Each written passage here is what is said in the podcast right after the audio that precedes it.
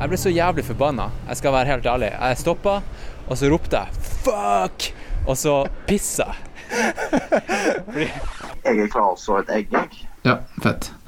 Da, da kan jeg si velkommen til episode 72 av Nå er det alvor. Din favorittpodkast.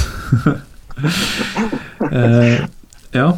Eh, og eh, jeg har en kis på, på tråden her, og han heter Ruben. Og vi skal bli kjempegodt kjent med han Ruben utover i episoden, og faktisk så uh, får han ganske god tid i starten av den faktiske, den faktiske episoden til å introdusere seg sjøl. Så kanskje vi skal droppe det og la det være en liten sånn cliffhanger. cliffhanger. Ja, høres ut som en god idé. Ja. Eh, og så kan vi si at det her er introen. Det høres akkurat ut som en podkast fra nå er det alvor. Ja. Og det vet jo du alt om, Ruben, for du er jo ikke bare løper, men du er jo en fast lytter, og du er en Patrion. Det stemmer 100% Ja. Jeg har lært det omtrent siden du begynte. holdt på å si. Jeg begynte vel å lytte på deg i vet ikke fjerde eller femte episode du eh, slapp, og etter da har jeg vel vært Patrion, regner jeg med. Så det er nice. Ja, det er sjukt nice. Det er jo liksom Det er jo de der De første patrionsene, det er jo dem som eh, virkelig kickstarta det hele, det hele det prosjektet her. Fordi at eh, dere, eh, du og dere, er jo liksom Jeg vet ikke. Det var dere som fikk meg til å se lyset i tunnelen. At liksom det var mulig å drive en podkast i Norge og tjene eh, litt penger, og kanskje nok til å finne på noe eh, som ikke var eh, A4.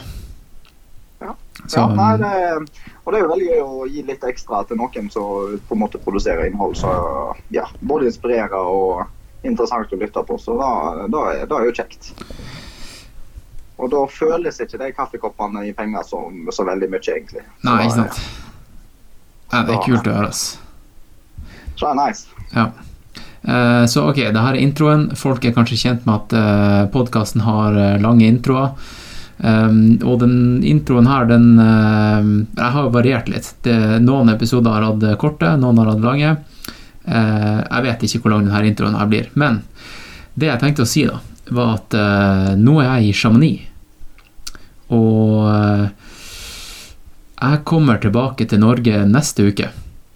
Å ja. Allerede neste uke. Jeg kommer hjem allerede neste uke. Og det jeg tenker å gjøre da, er at eh, jeg har lyst til å møte lyttere og patrions. Så jeg har laga en Facebook-event der eh, Det er vel neste lørdag, skal vi se her. Eh, Det blir Jeg skal bare sjekke kalenderen. Det er den eh, 21., ja. Da tenker jeg å, å løpe med dere i, i Lillomarka. Nice. Så eh, alle lyttere, alle patrions, alle som er involverte i hele det her eh, universet, hjertelig velkommen til eh, å løpe med meg og de andre som har vært med på podkasten, og andre lyttere. Det blir dritfett. Og så tar vi trikken ned til Løkka, og så tar vi også en bolle etterpå. Ja, det høres bare helt eh, kanon ut. Og Sosialisering nå er helt topp. ja, ja. Og så tenker jeg, eller kanskje søndagen eh, er bedre, fordi det er Oslo, Oslo Maraton den eh, lørdagen. Men eh, gå i hvert fall inn på Nå er det alvor sine Facebook-sider, så kan vi så endre jeg dato eventuelt hvis det skulle være noe. Jeg må nok være hjemme med kone og mor. Det er bursdag den dagen. Hun har bursdag, vet du. Må jeg, Ja, jeg må stelle, stelle med henne. Ja, for du hører, du hører jo også til i, i Bømlo, så det jo et stykke unna. Ja, det, det er en liten kjøretur.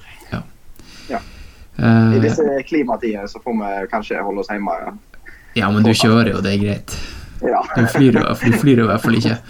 Uh, og Kjøre over i ambulansen er jo et av det helt kule. ja.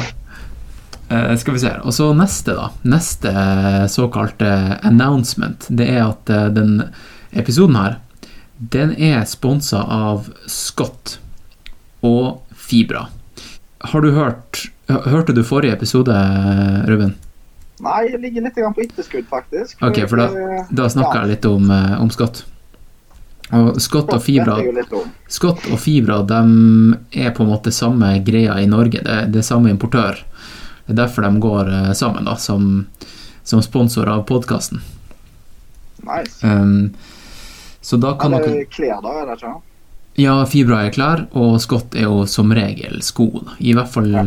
i denne sammenhengen. De lager jo sykler, ikke sant. Det er jo det, er jo det de har gjort i mange år. Men uh, nå har de begynt med stiløping og terrengløping og lager noen kickass-sko. Eh, jeg brukte Det var vel eh, Supertrack-skoen på, på Coma Podrosa Sky Race. Og det er vel den skoen jeg tror jeg Den har den, har den beste grepen noen gang har opplevd. For å være helt ærlig, og det sier jeg ikke fordi de er sponsor. Jeg har ingenting Nei, å hente vel, på å si det. Du var vel begynt å lukte på dem før du ble sponsa av dem sånn sett. Så, Ja, jeg kjøpte dem jo. Det var derfor de Yes. Og så posta jeg om det på Insta, og så ble de nysgjerrig på hvem er han, han er, Hans Christian her. Så um, eh, dem kan jeg virkelig anbefale. Jeg har også fått teste Supertrack, som er litt mer sånn for mindre teknisk eh, sti, som er dritraske sko. Så hvis du har tenkt å perse på et grusløp eller noe mer lettløpt, så anbefaler jeg Supertrack 2.0. Det er knæsjgule skoene. Men eh, det er på en måte det er jo en, eh, altså helt greit at podkasten er Eller det er faktisk ganske kult at de har vært med å sponse podkasten. Eh, men det jeg tenkte å si, da, var at eh, eh, jeg har laga en liten kampanje. Og den kampanjen der Nå skal du ha det, Ruben. Eh, jeg er ganske fornøyd. Fordi Det er jo sånn at eh, jeg har laga en, en pakke på Patrion. Hvis du går inn på, på patrion.com slash alvorpodkast, så ser du nå at det er en pakke som heter Honnold Foundation. Har du hørt om Honnold Ja. Foundation? Allerede lest, lest e-posten du sendte før i dag. Ja, ok. Og den går ut på eller Det er jo han Alex Honnold, som eh, han er klatreren. Han, dere kjenner han fra den Free Solo-filmen. Ja, friklatreren. Ja, han er gærningen. Han, eh, han har laga en eh, veldedighetsorganisasjon, og et av prosjektene der, da, det er, det er Skal vi se hva det heter. Det er veldig low-key intro, da, folkens. Det er, no, veldig low-key. Og det prosjektet da, som jeg liker best, de har masse prosjekter, men det heter Solar Aid. Og det går ut på at eh, de hjelper familier i eh, ganske, ganske fjerne strøk i Afrika med å eh, bytte ut parafinlamper som de bruker i, i husene sine, som er ganske lettantennelige hus. Bytter det ut med, med soldrevne lamper. Og ikke bare får det ned risikoen for husbrann, men det får jo eh, dem til å slutte med parafin, noe som eh, får ned CO2-utslippet. Eh, og det viktigste, vil jeg si da, er at eh, det gjør at kidsene kan drive med skolearbeid lenger ut på kvelden, fordi de har sollys, eller lys, eh, så lenge de egentlig vil. Ja, det er helt genialt. Sant, Ja, jeg leste litt om det. Det er jo, ja, det ser veldig bra ut. Ja, ikke bare da, det er lettere, De har jo mer strøm tilgjengelig generelt sett, ikke bare lys. Men de har jo muligheter for å lade datamaskiner, nettbrett. Sånne små duppedingser som krever strøm i tillegg. Ja, ikke sant. Og, og når de tidligere da var litt sånn eh, begrensa med skolearbeid og alt annet arbeid pga. at sollyset, eh, eller at sola gikk ned tidlig, ikke sant, så Mm. kan de nå arbeide kanskje to-tre timer til og lese, f.eks., og bli eh, bedre, bedre rusta for videre utdanning. Og det har jeg snakka litt om på podkasten, er at eh, hva er det egentlig som er det viktigste her? Er det, er det mennesker, eller er det jorda? Og jeg tenker det at eh, det er jo For å det går hånd i hånd, jeg. det går veldig hånd i hånd, og det her er den organisasjonen som jeg føler gir mest mening, fordi her investerer vi i mennesker og neste generasjon, og der Altså, det her er såpass mange folk og kids at jeg tenker de her, med å hjelpe dem å få en utdanning, så kan dem fikse problemet som vi har skapt. Ja, Er du med på den?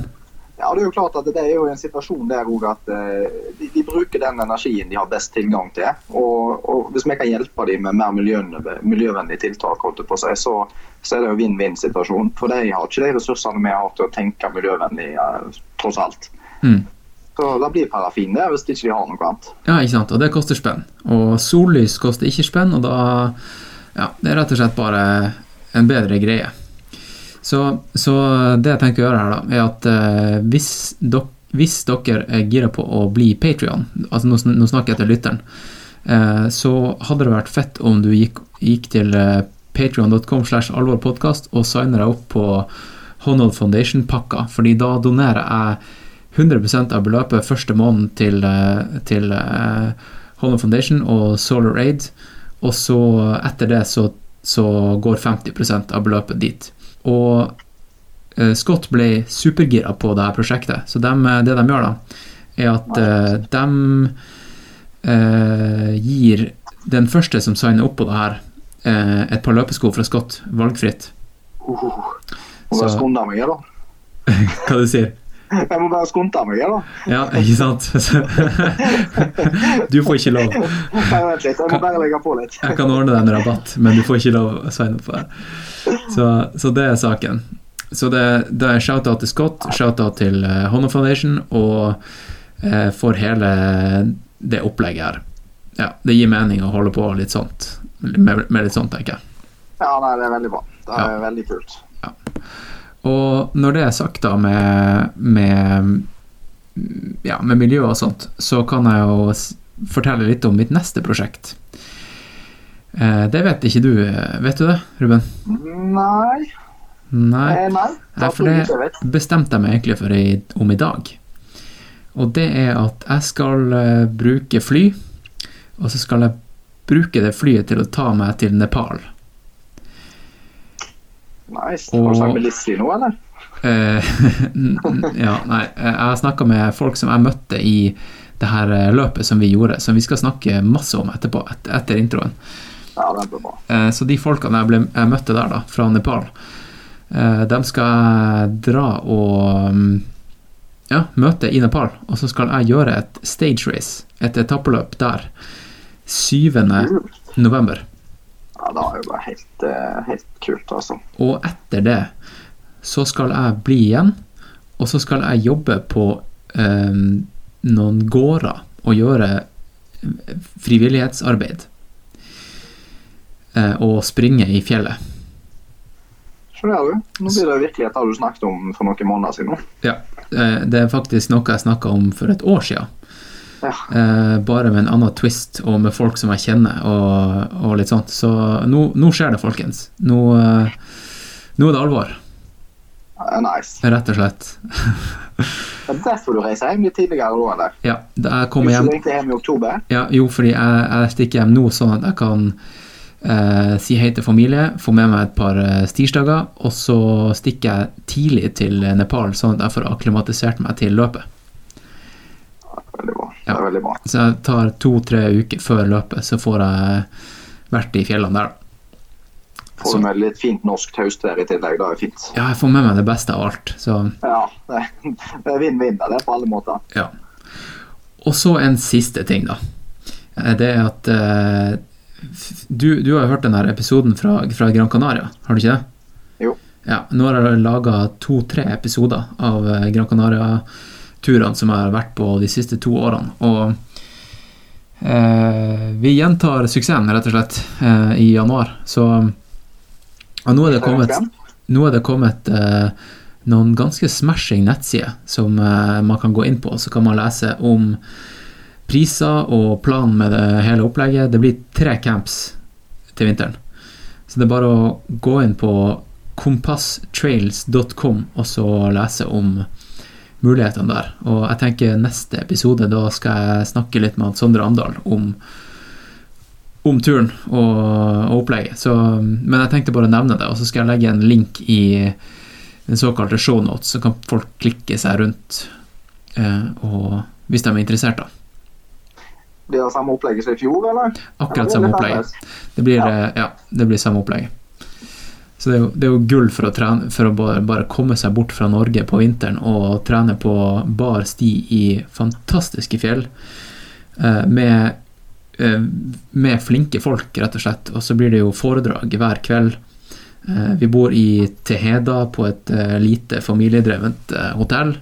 Og det er rett og slett en, ja, flott sammenkomst med veldig trivelige folk. Ja, Så- jeg har bare hørt positivt om eh, Jeg hørte, hørte litt Kjente han Fred som var med i fjor, og jeg hørte bare bra ting. Så veldig, veldig lyst til å være med år, egentlig. Så teamet vil show. Ja. Så da er det bare å klikke seg inn på den linken som, jeg- ja, som jeg legger i shownotes. Og så, når det er sagt, så tenker jeg at vi kan starte dagens episode. Er du med? Og da, da kjører jeg i gang den her, eh, den her eh, sangen, eller det, det er jo en Jeg kan jo si det, det er han Tim, kompisen av meg, som, eh, som fikk mikrofonen i fjor en gang, og jeg bare ba han om å snakke litt eh, skit inn i mikrofonen, og det er sånn introen ble til. Hello, this is another one. Another one, baby. Welcome to Now Is It Alvor uh, with Hans Christian and friends. We're going to be the best podcast that you ever did here, and we're going to thrill you, we're going to teach you, we're going to entertain you. Like Britney Spears once said, there are those of us who observe and those of us who are here to entertain. And we're here to entertain you, bitch.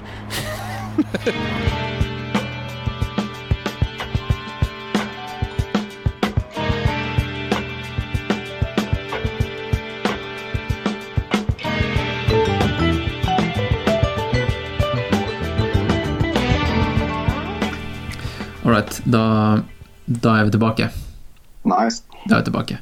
Og eh, nå er jo litt sånn eh, Settinga her nå er jo at jeg er i Chamonix, du er tilbake i Bømlo. Det er uka etter UTMR, og Oh yes. um, nå kan jeg jo spoile det at UTMR 2019 det ble litt uh, avkutta. Vi rakk faktisk bare å springe to av fire etapper. Ja. Ehm, og planen var at vi skulle gjøre en såkalt race debrief etter hvert eneste løp på de fire etappene her. Um, vi rakk bare å gjøre to. Ja, knapt nok. Vi rakk jo egentlig bare å gjøre én stage-oppdatering, og så eh, fordi eh, Ja, vi, på stage, på, ja, stage 2 så ble vi jo virkelig spredt for alle vinder, så da uh, I Gressony der så hadde jo jeg et hotell veldig langt vekke, så da ble det bare én, egentlig. Og så hadde vi en sånn før-race i Krakken. Ja, for, ja, for vi eh, Dagen før så snakka vi litt om hva vi skulle gjøre. Det her med race debriefs og litt om forventninger og ja. Alt det opplegget der, da. Så um, ting gikk ikke helt etter planen, folkens. Eh, så nå tenker jeg at jeg skal spille av den her eh, dagen før-klippet til dere. Én, to, tre. OK. Velkommen til episode 72 av eh, Nå er det alvor. Nå er jeg i Gretchen i Sveits, og eh, med min side her så har jeg Ruben Espeland. Ruben Espeland. Og eh, vi to vi skal gjøre et race i morgen tidlig. Har du lyst til å fortelle lytteren hvordan race det er? Ja, så det er jo et firstage race, som du sier. Et, skal et etappeløp. Etappeløp. Ja. på godt norsk. Nei, vi skal jo springe da ca. et maraton hver dag i fire dager. Ca. 3000 høydemeter hver dag. Nå fikk vi jo den hyggelige overraskelsen om at ruta lette litt om, så vi kom til å springe den bratteste bakken vi noen gang hadde sprunget i. Ja, så vi slapp steinsprut og litt sånn. Ja, Vi slapp steinsprut og litt sånn ras i hodet og litt sånn, da. Så det er jo spennende. Nei, og så har vi jo for oss bra med høyde. Vi skal jo i hvert fall opp på 3100 et eller annet meter på det meste. Vi skal krysse en isbre. Ja, og, rykter og, om at det er verdens lengste bru òg vi skal krysse. Hengebru. bortsett fra Golden Gate. Bortsett fra Golden Gate, men det er vel eh, ja, Da kan, da kan du dra og gjøre Northface 50 i eh, California eh, til høsten. Ja, da, da får være neste mål, da. Nei, men eh, jeg tror vi har enormt fint eh, terreng å springe i. Men eh, Ryknes er jo veldig teknisk, da. Ja, og det er jo totalt 170 km, Ja. cirka. Eh, Det vil vi ikke snakke om. nei, litt sånn som, eh, litt som UTMB, egentlig. Bare jeg tror det er et par tusen høydemeter ekstra. Ja, altså det, ja, det er jo nesten 12 000 høydemeter her, da. Eller eh, 11 500. Ehm, og så er det jo litt interessant at eh, rekorden på UTMB er rundt 20 timer. 21. Og her er rekorden på 30 timer. Så om det sier oss noe om at de beste løperne ikke har vært her, eller om det er ganske mye hardere, ja, det vil jo egentlig tida vise. da. Det, det jeg tenker vi gjør da utover eh, For nå skal jo vi henge sammen, i hvert fall etter racet. Eh, hver dag nå i fire-fem dager fremover. Da tar vi en sånn her eh, race eh, debrief hver eneste dag. Hvis vi får til det, det hadde vært jævlig kult. Og så eh, får vi litt stories fra stien, fra, fra begge to. Ja, ja, det tror jeg blir bra. En liten brifing hver dag. Snakke litt om hva vi opplever på stien. Det kan bli spennende. Det er litt interessant og litt kult, for jeg er litt, litt bak i packen, så det er litt eh, spennende å se hvordan det blir. Og du er forhåpentligvis litt føre. Ja, jeg skal prøve å gjøre Ja. mitt beste. Så det kan bli litt interessant. Ja. Han med, med scooteren han vet ikke at det er en veldig seriøs podkast som spilles inn nå. Eh, skal vi se her. Skal vi ta og ehm, har, har du noen eh, ambisjoner, no, noe du har lyst til å dele? Dette blir jo ikke publisert før etter løpet, så det er liksom ikke noe vits å tenke at du eh, legger press på deg sjøl. Nei, altså ambisjonene mine er faktisk eh, ikke så veldig bra. Jeg vil klare det innenfor sperretid. Men eh, egentlig så er det å prøve å ha en fin naturopplevelse. Det er egentlig motivasjonen min. Eh, jeg har lenge drømt om å springe et løp i Alpene. Eh, så det, ja, det er faktisk en gave fra kona mi. Ja, men Så det er kult. Hun ga meg en gave til å reise her fri uker, uke, så, så da tenker jeg da skal jeg ha fullt utbytte av det. Shout-out til kona. Ja, shout-out til kona, altså. Så det er nice. Og så eh, ja, treffe mye nye folk, håper jeg. Jeg har allerede truffet mye nye folk, så det er veldig kjekt. Det er jo egentlig hele communityet. Altså treffe folk og Og, race director er jo Lizzie Hawker. Ja, som, Lizzie Hawker, ja. Eh, Jeg har ikke gjort nok research, men eh, ut fra det jeg vet, så er hun en legende som har vunnet UTMB et par ganger. Og hun har trent på denne løypa når hun trener til UTMB, Ja. eh, og tenkte vel egentlig at eh, det, det er jo det her som burde vært løpet. Det er vel egentlig derfor løpet eksisterer. Ja, altså Hun sier jo dette da løpet hun kunne tenkt seg å løpe, og derfor arrangerer hun det. da. Så uh, uflaks for henne, da. Hun får ikke springe løpet, hun da. Nei, sant det. Ja, men da, det er jo ståa da, herfra. Det nå er det jo strålende vær. Vi kommer til å springe til Cermat i morgen. Vi skal jo da rundt eh, Monterosa, som er, hvis ikke jeg tar helt feil, Italias høyeste fjell. I hvert fall Nord-Italias. Ja, det er vel det nest høyeste fjellet i Alpen, Alpene, er det ikke sånn? Det kan være. Jeg syns jeg leste det en plass. Ja, vi skal rundt hele massivet, da. Ja. Eh, samme type modell som UTMB, der de springer rundt Mont Blanc. Ja. Og eh, ja, det går jo også et, et eh, løp til toppen av Monterosa. Det er jo et sky race. Det skal vi ikke gjøre. Vi skal springe rundt. Det er litt safere. Ja, da er vel eh, veldig mye safere, Det som er med skyrunning, der, er liksom, der kan du skade deg fysisk. Ja. Mens i ultraløping, sånn som her, der kan du skade deg bare med at det er langt. Du ødelegger kroppen din med å springe langt. Ja, altså du springer langt, og i dette tilfellet så springer du veldig mye langt nedover i tillegg. Så det er en enorm belastning både opp og ned. Eh, så ja, det gjelder å bruke hodet egentlig og ta det egentlig litt rolig i starten, tror jeg. Det er jo liksom, eh, På profilen så er det jo nesten et det er liksom et sky race hver dag. Ja. Så jeg er veldig spent på hvordan kroppen reagerer fra dag til dag, da, og hvordan jeg kan eh, Jeg vet det er massasje i målomgang. Ja, men det var Og- ingen garanti, da. Så, så, så det å liksom få i gang recovery med umi- umiddelbart Ja. Og hele det gamet der, da, det kan bli ganske artig. Det blir jo ganske likt som Tour de France, liksom. Syk, Ja. syk, eh, sykkelritt som går over eh, flere dager. Ja, altså det er jeg litt spent på, det du sier med recovery. Fordi vi har jo mat. Vi får jo mat på plassen, så jeg håper ikke vi må vente i evigheter på mat. og Ja, det er jeg litt spent på. Hvis den kommer litt tidlig, da, må en gå rundt og vente på felles eh, mat og litt forskjellig. Så Og så eh, massasje, som du sier. Det tar jeg ikke som noe selvfølge at vi får, da. Nei, det, det er veldig mye variabler her. Det er Ja. det som er artig. Det er liksom ikke bare sånn her løp man eh, kan planlegge så sykt godt. Det blir liksom Man stiller til start og gjør så godt man kan, og så tar man dag for dag, liksom. Ser det an. Ja, jeg tror det er faktisk litt lett å bli lurt, for en kjenner seg gjerne litt fin første og andre dag. Men så har en egentlig to skyrace igjen, da. Så det er litt lett å gjerne gå hardt ut hvis en kjenner seg bra etter første dag, tror jeg. Og tredje dag skal visst være den hardeste, så jeg tror det gjelder å fordele kreftene rett, altså. Jeg prata med legenden Sondre Amdal i dag tidlig for å få noen tips. Og, fordi han springer en del stage race. Og da sa han at han bruker vanligvis å bruke første etappe på å skremme alle konkurrenter. Det kan liksom gå, gå begge veier. For det. Ja, gå begge veier. Men han har nå eh, erfaringen til å prøve det òg, da. Ja. Så jeg tenker kanskje hvis jeg har dagen i morgen og gjør det samme. Hva du tenker å gjøre i morgen? Jeg har tenkt å ta det rolig i morgen og kjenne på hvordan det er. Skremme deg sjøl. Skremmer meg sjøl, egentlig. Eh, Men det som jeg òg tenker, i morgen den dagen med nesten garantert fint vær. Så det er jo egentlig den dagen du gjerne er garantert eh, og har relativt tørt underlag, ikke så glatt. Eh, Så det er jo noe å tenke på da da. Ja, for rest, resten av dagene kan bli litt eh, kan grått bli og trist. grått, Ja. Det er ikke meldt noe torevær og lyn og sånn, da, så det er jo bra.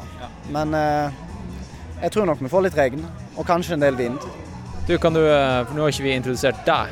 Kan ikke du bare si hvem du er først, eh, før vi, før vi fortsetter liksom, podkasten? Bare den her vi er bjellene her.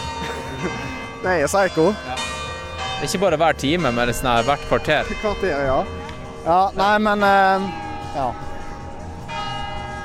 Jeg tror de stemmer, de, men jeg vet ikke. Ja, men i hvert fall, jeg, jeg sa jo jeg heter Ruben Espland. Jeg er fra Bømlo. Uh, ja, jeg er 35 år, gift, har to unger. Liker å springe. Uh, ja. Du er med i løpegruppa Mud Blazers. ja, vi har i hvert fall kalt oss litt da på fleip. Frang, franchisemodell fra Ja. Skyblazer. Ja, vi har uh, latt oss smitte av Skyblazers. Uh, men vi er stort sett to da, som springer i den gjørma. som Det er meg og Fred, som òg har vært med her en del ganger. da. Så uh, ja. Men vi, vi må jo springe i gjørma, så da passer jo det godt. Ja, ja. Nei, eh, ja, jeg kommer fra Bømlo, ja. Og jeg jobber eh, typisk sju til tre-jobb. Sju til tre, ja. Sju til tre-jobb, ikke åtte til fire-jobb, som alle sier. For jeg skal levere unger både her og der, og ja. Så eh, Men da er vi jo blitt litt kjent med deg. Ja. Folk kjenner meg. Ja, de, de vet hva det går i. I morgen er det bare å gjøre jobben. Og så er det egentlig bare å ja, ønske hverandre lykke til. Vi starter klokka seks i morgen med hodelykt. Det er Ja. Det er bekmørkt. Det er bekmørkt. Det, Jeg tror de gjør det bare for å kødde med oss. Starter så tidlig. Må jo opp klokka fire. Ja. Men det går bra. Det er bare fire dager vi skal gjøre det. det er bare fire dager. Det er jo, det er jo kos der. Det er kos. Er jo, gjør, det er, du er, vi er jo på ferie. Ja, ja, vi er på ferie, ja. Re- Retirement. ja Runtirement, ja. Ja, De ser løye på meg på jobb. Dette kaller de ikke ferie. Ja, men da skal vi si det sånn, eller? Og så, så tar vi vi finne Det neste folk får høre, det er fra etter racet. Rett og slett. Ja. Eh, og det her blir spennende. blir Nå er, folk, nå er folk på pinnebenken her. Ja, ja, Eh, kanskje Og det skal- skjer sånn to sekunder fra nå av. Kanskje skal spille en sånn her eh, sånn her eh, nedtellingssang. Ja, det Så må være bra. Final countdown eller noe sånt. ja, OK. Eh, over og ut fra Gretchen. Vi ses i Cermat. Yes. Roger og Knut.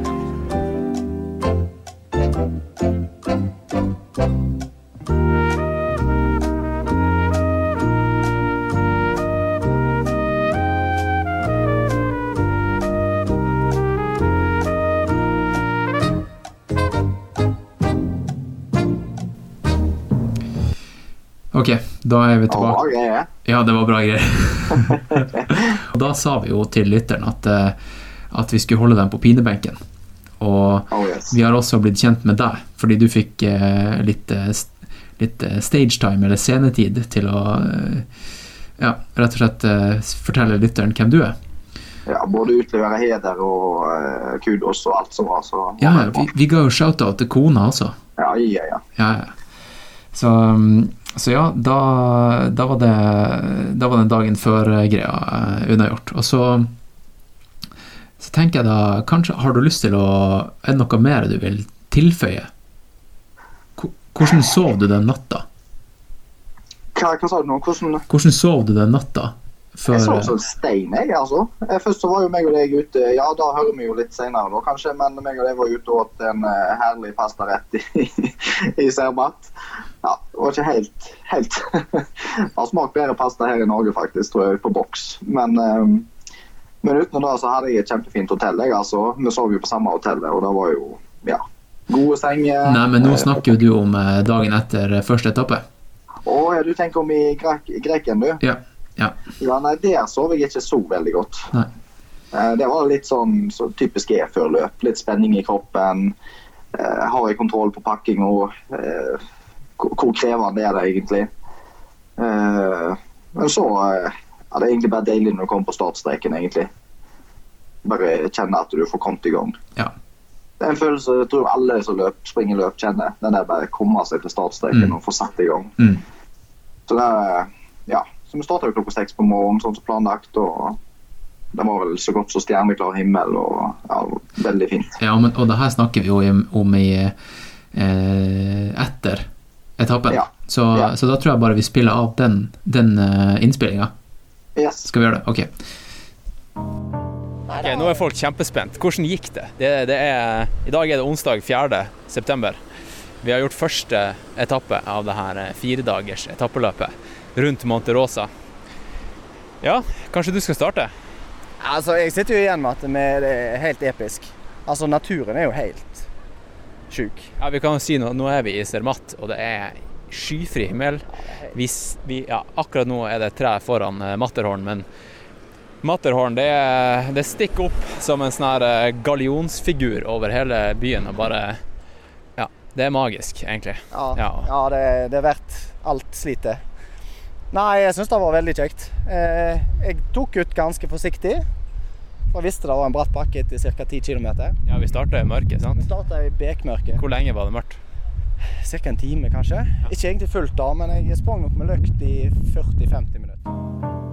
Ja, men Fortell, da. Hva, hvordan, eh, hvordan var det? Vi, vi starta, vi sprang gjennom en skog først, i mørket. Ja, Først så sprang vi gjennom denne byen, og så gjennom masse gårder, og så ned gjennom en skog. Ehm, ja, det var ca. 10 km, eller 8, så kom vi til, til hovedveien. da. Det var en ny trasé. Så i år så sprang vi lenger ned enn de har gjort de andre åra. Og så var det egentlig rett opp ganske nøyaktig 1200 høydemeter. Fordelt på 3-3,5 km. Ja. Så det var rimelig heftig. Så alle de som tøffa seg i starten, de var lett å passere der, egentlig. Bortsett fra meg. Bortsett fra deg. Du, du klarte å tøffe deg hele veien. og til og med komme først i mål. Er respekt. Nei, så da altså når du kom opp der, da, så var det jo egentlig Ja, vi kom opp på 2000 eh, 2006. Ja, det var, ja, det var høy, 2006, tror jeg det høyeste toppen Ja. var 2006. Eh, Så da var det, flata det egentlig ganske sånn relativt fort ut, med sånn skikkelig dramatisk eh, herja landskap. Sikkert isbre og snøherja. Ganske løpbart egentlig, men mange vil nok oppleve det som ganske teknisk. Det var ikke plassen å tryne, for å si det sånn. Da var det lang vei ned. Ja. Men du klarte jo å tryne, og det, det gikk jo greit. Jeg trynte to ganger. Jeg kan jo, jeg kan jo si sånn eh, eh, Du nevnte jo at jeg vant. Det, Ja. det, det stemmer jo. Ja. Jeg, jeg vant eh, med to minutter. Og da sprang du feil. Ja, og mm, ca. rett etter at vi kunne skru av hodelykta, det var da jeg, jeg sprang feil. Jeg tok en eh, jeg tok en eh, Jeg, jeg zigga når jeg skulle zegga. og eh, ja, jeg sprang feil. Jeg sprang ca. en kilometer omvei. Og det var jo da en oppå, i en oppoverbakke. Og jeg ble så jævlig forbanna. Jeg skal være helt ærlig. Jeg stoppa, og så ropte jeg 'fuck', og så pissa jeg. Fordi jeg måtte skikkelig pisse. Jeg gikk, sprang hele tida og vurderte om jeg skulle stoppe eller ikke. Og da jeg da fant ut at jeg hadde sprunget feil, så var det bare sånn her OK, nå må jeg bare pisse og samle tankene. Så sprang jeg tilbake, og så tenkte jeg, siden jeg har GPS-tracker på meg, så ser hele eh, veldig mange i organisasjonen Nå ser de at jeg har sprunget feil, så nå blir det kommer de sikkert til å ringe eller noe sånt her. Men det, det skjedde ikke, for jeg hadde jo telefonen skrudd av. Eh, men eh, så, eh, så visste jeg jo ikke da om jeg hadde blitt tatt igjen av mange. Hvor mange var det som passerte da, da? Da var det Da jeg tok igjen nestemann, så var han nummer fem. Ja, okay. Men det som er artig her da i storyen, er jo det at han var ikke nummer fem fordi han Eller han var nummer fire fordi han trodde at jeg var først. Sånn? Alle Ja. foran meg trodde at jeg fortsatt var foran dem. Ja. Så når jeg da var kommet på førsteplass igjen og hadde tatt igjen alle Jeg tok igjen alle i den lange oppoverbakken, på toppen ca. Eh, da eh, Da spurte jeg da eh, hvilken plassering jeg var på. Så sa han 'You're second now'. Og sånn her, OK, da, men jeg ser ikke nestemann, for det var ganske bra skue Ja, ja. utover. Tenkte jeg 'Hvem er han der maskinen?' Og så bare fortsetter jeg å springe for å ta igjen eh, førstemann. Og jeg jagde jo meg sjøl. Du jagde deg sjøl. Du jagde deg sjøl. Det er fint. Så det er Jeg tror jeg, Tok jeg du? Eh, tok deg selv igjen? Ja, jeg tok meg sjøl igjen. Og jeg, jeg ble jo Fordi at jeg spurte med neste aid station sånn her eh, Hvor langt er jeg bak eh, nestemann? Uh, you're first. Jeg bare sånn All right. All right. og da eh, Fordi jeg spurte en annen kar i løypa, og da sa han sånn her Some minutes. Some minutes. Og da tror jeg ikke han egentlig skjønte hva jeg spurte om. Da, da spurte jeg kanskje om Eller han trodde kanskje jeg spurte om hvor langt jeg var foran. Ja. Ja, så det ble nå litt surr. Men uh, uansett, da. Jeg, jeg trynte også et par ganger. Uh, Forstua og skrapa opp eh, lillefingeren. Og så er jeg ganske sikker på at jeg har brista et par ribbein på høyresida. Og strekt noe greier på høyresida. Nei, på venstresida. Så det, i morgen blir det en hard dag å komme i gang, tror jeg. Ja. Men det er klart det er greit du har litt handikap som gjør det så bra.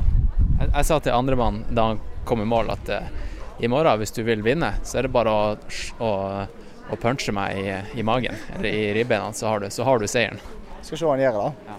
Men fortell videre om, eh, om eh, terrenget og, og dagen din. Du var ute hvor lenge? Ja, altså jeg var ute i 6 timer og 40, ja nesten 50 minutter. 47 var vel mer nøyaktig. Men jeg, eh, Hva du sa nå? Hvor lenge? 6 timer og 47. Ok, Så nesten syv timer i fjellet? Ja, nesten 7 timer i fjellet. Så det er om å gjøre å få fullt utbytte for pengene. Det er godt sagt, da. Ja. Så eh, Nei, altså jeg, eh, var aldri sånn helt i kjelleren. Men jeg kjente allikevel til slutt på at ja, nå begynner det å bli tungt. Det skal bli deilig å komme ned. Eh, Men det var egentlig, i hvert fall for oss som kommer fra Norge, så var det løpbart. Men det var mye stein. Du kommer jo fra Bømlo, og der er det jo for det meste gjørme. eh, Det var ingen gjørme, så da går det jo greit. Og det var heller ikke løse steiner egentlig så veldig mye. Så det var egentlig det var steinete, urete, men de lå rimelig solid. Ja, så eh, Når vi begynte på nedover igjen, da, så passerte vi jo egentlig to ganske sånn sånne hengebruer. Den første, første vi traff, den, den visste jeg ikke om, så jeg tenkte jeg dette er den store, spektakulære brua de snakket om. For det snakka vi om i går i, Ja, i vi i podkasten. Den der Golden Gate-greia. bare OK, det er jo ingenting i forhold til hva vi har i fjellet i Norge, tenkte jeg. Men eh, så kom vi jo litt senere, etter første aid station, så var det vel kanskje en halv kilometer. Da kom du til en svær dal. Og da bare så du det svære spennet av hengebru som gikk over der, da. Og den var episk. Den var helt uh, utrolig. Jeg vil tro at den var kanskje 800 meter lang. Altså, den var, ja. Jeg følte jeg sprang i en evighet på den bruen òg. Da, så, eh, da, der var det to turister. Ja, Eh, det da, da, da jeg løp der. Og da måtte de For de hadde jo stor sekk på seg. Ja. Så bare la de hestene passere. Og da Selvfølgelig da så snudde de seg, sånn at de liksom sto sidelengs. Men det de ikke skjønte, da var jo at de faktisk gjorde det verre for å komme seg forbi. Men Må jo nesten stå og se i en eller annen retning, altså i retning av løp, løperetning. hva skjer med hester her i, i Men det er jo bare elbiler her òg, da. Det er jo ingen bensinbiler.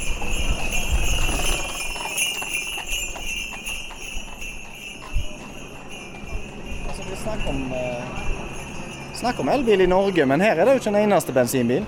Nei, det, det er in eh, intensjonelt, da. Ja, det er jo helt genialt. Rolig. Ja, herlig trafikk her, egentlig. Men det er mange sånne elbiler. da. Vi er jo på vei nå til å bruke Oi! Der var det ei dame som bare gikk på meg og sa ikke unnskyld. Jeg tror jeg faktisk skrapa henne opp med Garmin-klokka mi. ja. Men uh, vi skal på en sånn her pizzasjappe, for vi har en uh, kupong som vi har fått av uh, organisasjonen. Eh, det skal smake, tror jeg. Skal vi se eh, om vi ser den. Den skal være her, cirka. Men eh, vi kan jo ta og kanskje Skal vi se, skal vi slå oss ned her kanskje et par minutter og bare ta siste Siste Avslutte dagens podkast. Vi kan bare sitte her med de her folkene her. Ja. Jeg tror ikke de skjønner norsk. Kanskje du blir imponert? Ja. Und okay. ist neben alle Frau sitzen und ist das okay. Sorry, only know Norwegian and English. I forgot Gott, ja. Det er det som er så sjarmerende med den podkasten, at vi kan tillate oss den Ja, det er nice. Ja, real life. Ja. Det er ikke noe sånn der tilskrudd NRK-sending, dette. Nei. Eh, jo, hvor vi var hen da? Jo, fordi fordi det her var. Vi har jo ikke sagt hvor lang etappen var heller. For meg så var den 41. For Ja, deg jeg, så var Hva du jeg fikk bikka 42. Akkurat bikka 42.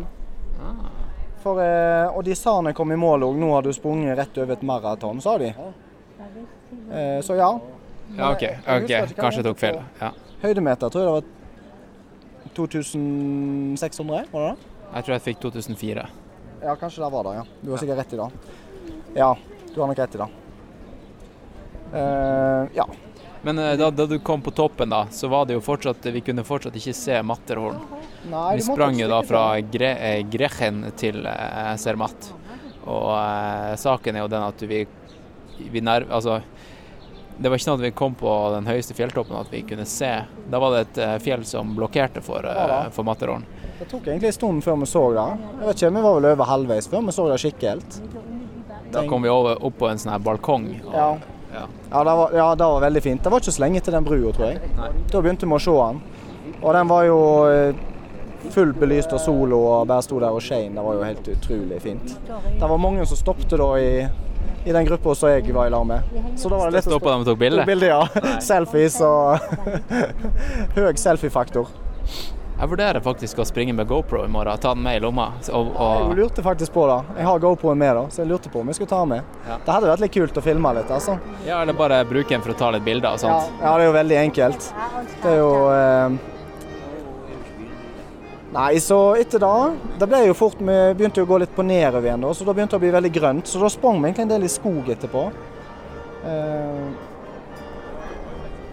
Ja, det gikk egentlig sånn jevnt og trutt ned. For i dag var det jo bare én topp. Det er vel den eneste dagen det er én topp.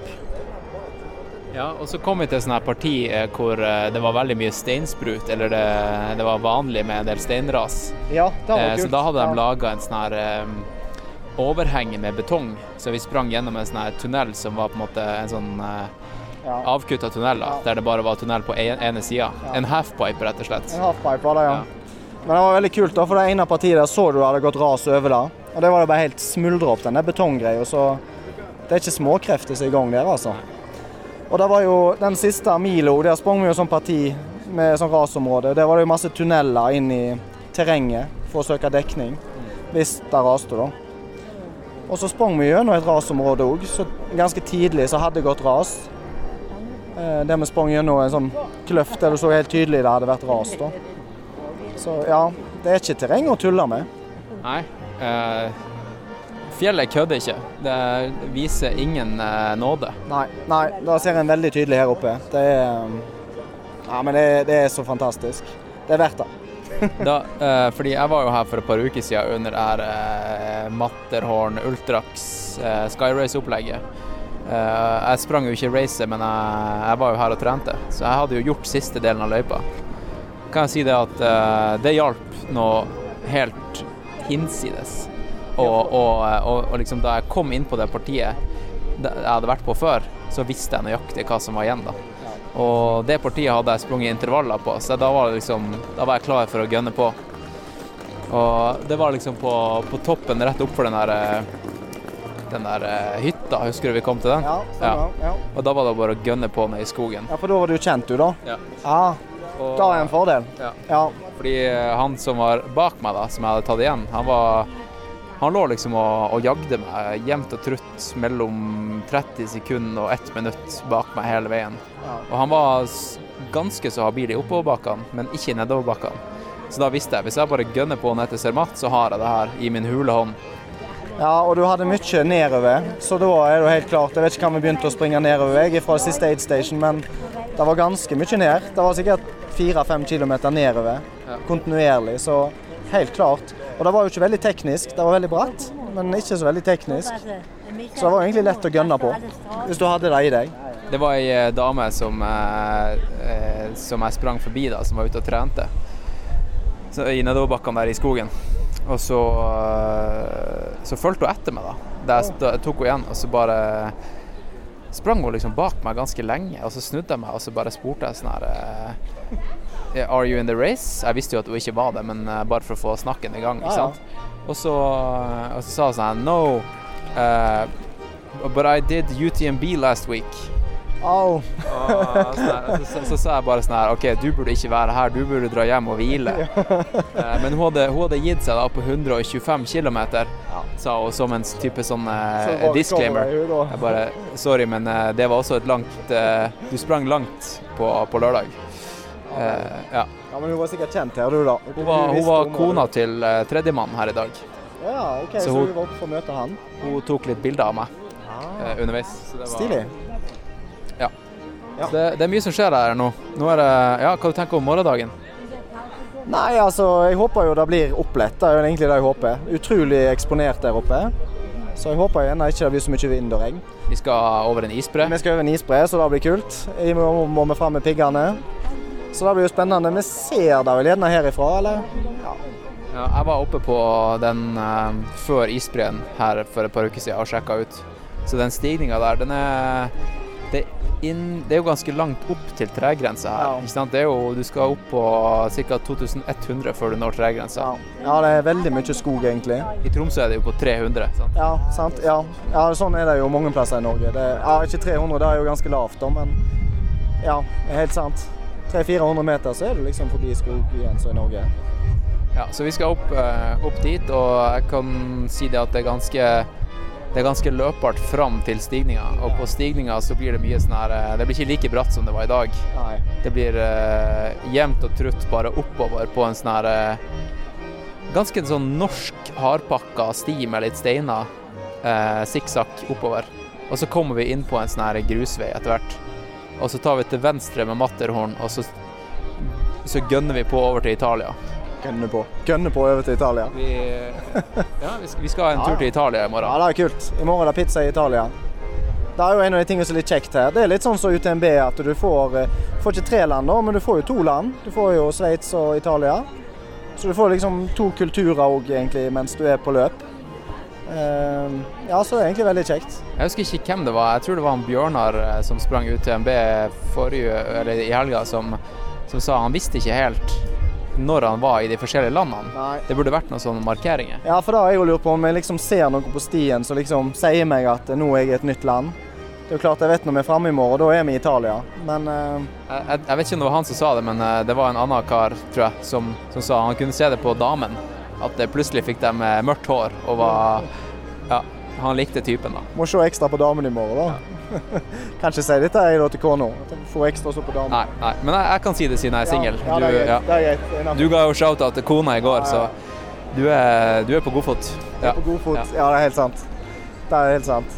Men Nei, eh, men, hva du tenker du om recovery da, eh, til i morgen? Er, er du, er du eh, kapabel til å komme deg 100 Nei. etter en syv timers eh, løpetur i fjellet? Nei, det tror jeg egentlig ikke, men eh, jeg tenker det, nå er det bare å ta det rolig og få i seg godt med mat. Ligge med beina litt høyt i kveld, ikke gå rundt og vase for lenge. Men det er utrolig fint vær her, da, så det er jo fristende å være litt ute og kikke òg, da. Men jeg tenker alt nå handler om å ikke stresse. Bare ta det rolig, kose seg, få i seg mat. Og så eh, Det er ikke mange timer til vi skal opp igjen allikevel, så bare gjør det beste ut av det. Jeg tenker jo på han Amir som eh, Eller Amir, som han heter, som var i podkasten. Han som eh, hvis noen, hvis noen husker han, så var jo det han som sykla opp og ned Holmenkollen, eller til Tryvann, Ja. eh, i en hel måned. Han har jo nettopp sykla opp og ned Trollstigen i hele november, nei, august. Tre, over 360 ganger. Han, og det er offentlig nå. Han var i Jeg tror det var Aftenposten var i dag. Ja. Og um, eh, han, rett før han skulle gjøre For han skulle gjøre eh, Birken i vinter. Med Skal vi se han hadde, Og han hadde aldri gått på ski i hele sitt liv.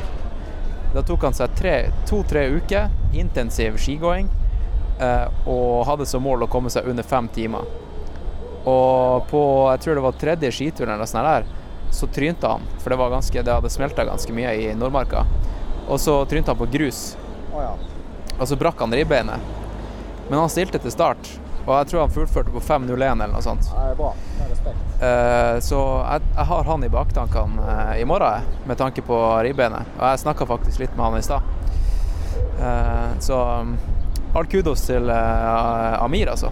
Og det, det fete med den artikkelen der i Aftenposten var at eh, han, hadde ikke fokus han nevnte ikke engang hva han gjorde i fjor. Han ville heller ikke fokusere på antall ganger han var opp og ned Trollstigen. Det eneste han fokuserte på, var budskapet. Og det var rett og slett at folk må smile mer.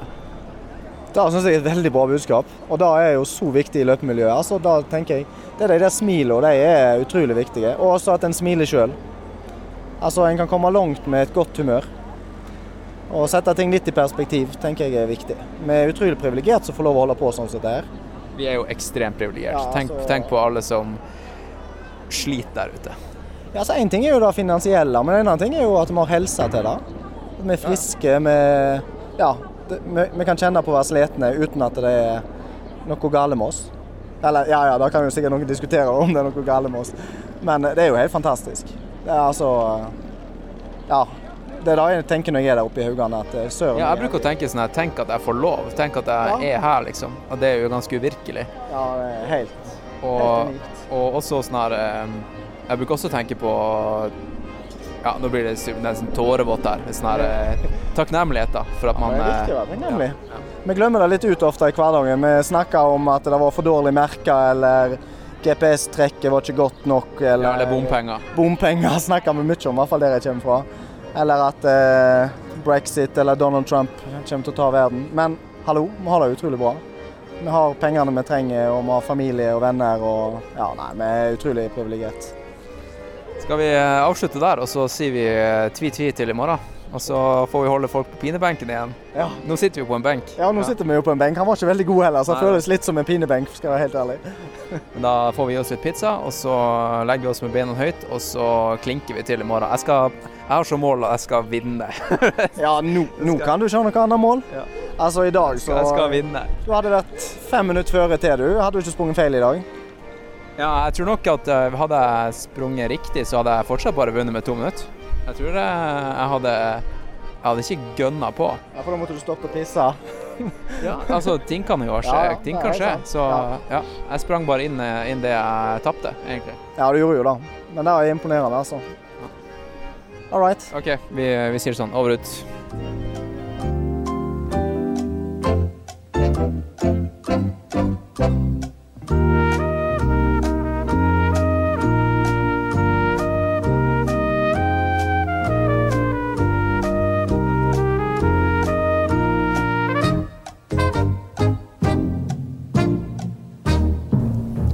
Ok, da er vi tilbake fra etter, etter første etappe. Fra Gretchen til Zermatt. Og Ja. ja.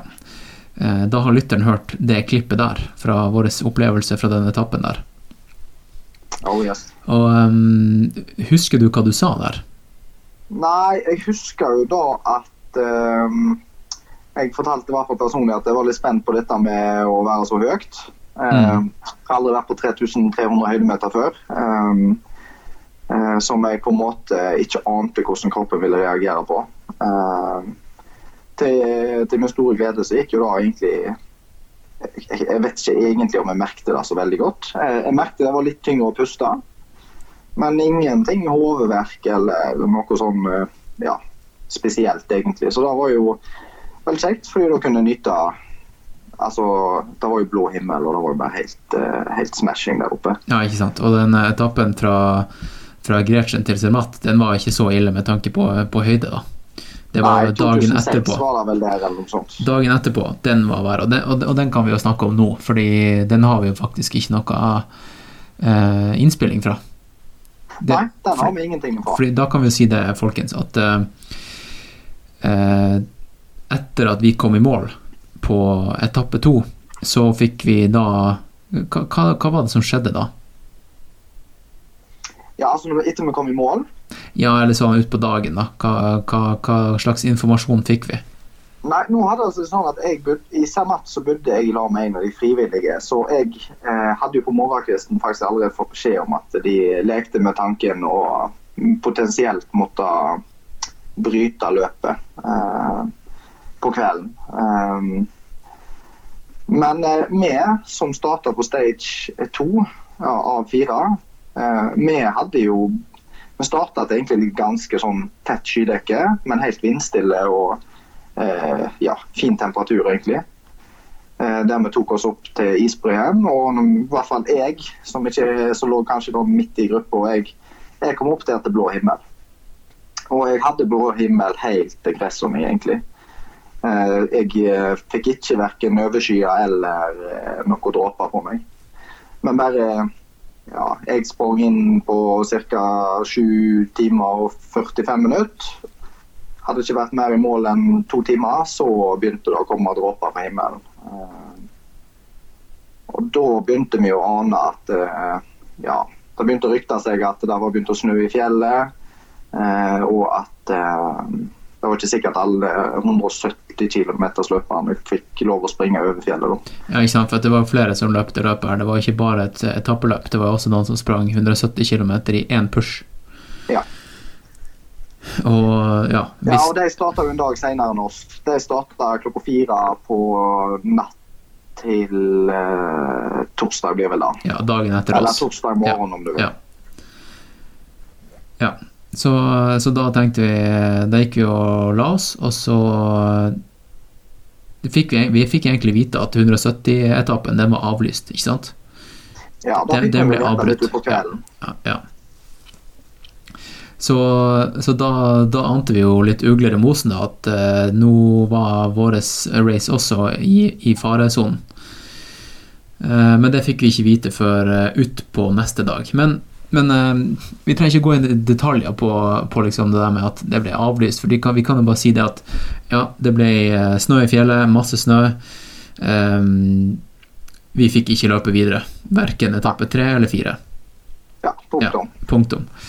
Og, men, eh, men kan du kanskje beskrive litt om etappe to, da? Fordi at Ja, det var jo en fantastisk etappe. Ja, altså den følte jeg jo på en måte ga oss alt som på en måte du gjerne tenker på når du tenker Alpene, da. Um, du begynner liksom nede i en sånn litt sånn halvromantisk by, Zermatt. Som, ja, det er en eh, det er jo en turistby, på en måte, men allikevel veldig, veldig fin by. Um, springer opp gjennom fjellet. Uh, tre timer brukte jeg da, opp til i toppen av isbreen. Uh, Ja, for det var en isbre på toppen. ja, det var en isbre på toppen, og dessverre en veldig industrialisert isbre da, dessverre. Eh, Det er veldig tydelig at dette er et område på en måte som lever av eh, eh, ja, ski, skigåere. Ja, ikke sant. Så det, det er et og alpinanlegg oppå der. Ja, alpinanlegg og så ut som de nå holder på å preppe gjøre klart til vinteren, liksom. Så det er jo klart det er nok mye finere der oppe når det er snødekt. Men allikevel, det var en kjekk opplevelse. Så når du kommer på toppen her, så bikker du jo nedover igjen. Du ender på 3300 meter, og så springer du egentlig litt ned i skianlegget noen kilometer, før du da kommer inn i sånn typisk Ja, da var vi kommet til Italia. Hva sa du? Da var vi Ja, kommet til Italia. Italia. Ja. Fordi da, ja, på toppen, da, på toppen var vel grensa, sånn som jeg forsto det. Der var grensa, og da vi kom på toppen, da jeg sprang jo i teten med de fire første, og da, eh, da var det to av dem som, eh, som ropte 'espresso doppio, pasta, mamma mia'. Da skjønte jeg, da, da var vi i Italia. Ja, da sto en italiener på toppen når jeg kom, og så sa jeg når er jeg i Italia, og så sa han bare 'velkommen til Italia, du er her nå', liksom. Ja, okay. Ja. Så, så da visste jeg at Og da var det jo bare å hamre nedover. Da var det jo en evighet lang nedoverbakke i grus, liksom. Så da, da var det bare å gi gass. Men uh, i en sånn her eh, race debrief og historiefortelling, så, så er jo det beste er jo alltid liksom med en sånn her eh, En liten knekk, en liten sånn her eh, ah, Nå gikk det dårlig, ikke sant, og så gikk det bra. Ja, og den hadde vel jeg til det der eh, Vi hadde sånn pass vi skulle opp til ca. Ja, rundt Jeg husker ikke hva det var, jeg. Eh, Refugio Ferraro, tror jeg han het, eller noe sånt, den toppen. Ja. Det var en sånn skikkelig stjernesmell for meg, altså. Jeg, eh, du hadde sprunget lenge, lenge nedover en sånn flott dal. Skikkelig fint. Man sprang sikkert ti kilometer i bare sånn der skikkelig idyllisk landskap. Sånn passelig bratt, sånn at du var skikkelig flyt. Og så begynte du liksom å se konturene, for vi visste vi skulle opp på en topp til. Og jeg visste at jeg hadde ca. Ja, jeg hadde ca. 800-900 høydemeter igjen, så jeg visste jo at desto flere kilometer jeg plukte, desto brattere kom den siste bakken til å bli. Og den ble jo skikkelig bratt. Eh, Der du på en måte går nesten vertikalt. Ja, fy flate. det. Det, var rett og slett helt jævlig. Ja, Fordi, helt fordi greia med sånne her eh, høydeprofiler som du leser på, på internett før, før du skal gjøre et eh, løp, da, det er jo det at hvis, sånn som i dette tilfellet, da, førstefjellet, det var jo såpass brutalt stort at alt annet ble kjempesmått. Og, og eh, man på en måte neglisjerer jo hvor store de fortsatt er, ikke sant? Yes, nettopp. Og det gjorde i hvert fall det, for jeg tegna jo høydeprofilen på armen min. Så jeg så jo det at når jeg kom i mål, at den der eh, den siste kneika, der hadde jo jeg bare sånn her eh, Siden jeg bare tegna på øyemål, så hadde jo jeg bare liksom avskrevet den lille, lille toppen som en sånn her liten fis, en liten sånn her Grefsenkollen. Ja, jeg har gjort akkurat det samme. Ja. Jeg tenkte jo liksom mer sånn det, det lokale nabofjellet. tenkte jeg, Det er bare å få det unna. tenkte Ja, ja. jeg liksom. For de Men første, så stigning, jo- første stigning var jo på sånn her 1800 meter, var det ikke det? Jo, stemmer det. Ja. Men så var han jo ikke sånn enormt bratt. Han var egentlig veldig sånn du kunne ja, Er du i god form, så kunne du sikkert eh, småsprunget ganske lett hele veien. sant? Og så, eh, Eller gå godt fort, mye av den. Ja. Men her var det jo noe helt annet. Altså, Og så så teknisk i tillegg. Det var jo Det det var bare steinhus, Mm. Så ja. Altså Der, klint, der skilte du Clinton fra Vetna, så da Mm. eh, var helt eh, vanvittig. Men det er jo derfor vi er der. Ja, ikke sant? Det er jo derfor vi har meldt oss på, for å få den der type eh, rett i trynet-opplevelsene. Altså. Eh, Så på en måte så er det, det er utrolig deilig òg. Ja. Ja, ja. Du sier ser der. liksom, ser liksom at det begynner så smått å flate litt ut oppi haugene der en plass, og du lever liksom i håp om at det er det der det er flatt, eller er det liksom en ny sånn enorm stigning bakom der. Mm. Og det er litt av det å leve i den der Hvor mye våger jeg å pushe nå? eh, Er det, hvor, lenge, hvor lenge er det igjen? Og, ja, det ble jo litt gøy, da. Ja, var det noe kjemping om, eh, om eh, plasseringer, da? Der, i, der, der du sprang? Nei, altså jeg, jeg, jeg følte jo at jeg lå nok Jeg lå nok ganske langt framme i den eh, midtgruppa, kan du si, hele tida. Jeg så at det sånn Jeg lå sånn cirka rundt eh, Av ca. 200 påmeldte, så lå jeg blant sånn de 40 beste, eller 50 beste hele tida, da. Eh, Så der var det ganske sånn jevn spredning, egentlig. Så eh, heldigvis for min del da, så plukket jeg egentlig jevnt og trutt folk. Så jeg, jeg lå liksom litt med folk og ble godt kjent og lå gjerne et par timer med noen liksom, og snakket litt og preiket litt mens vi småsprang. da.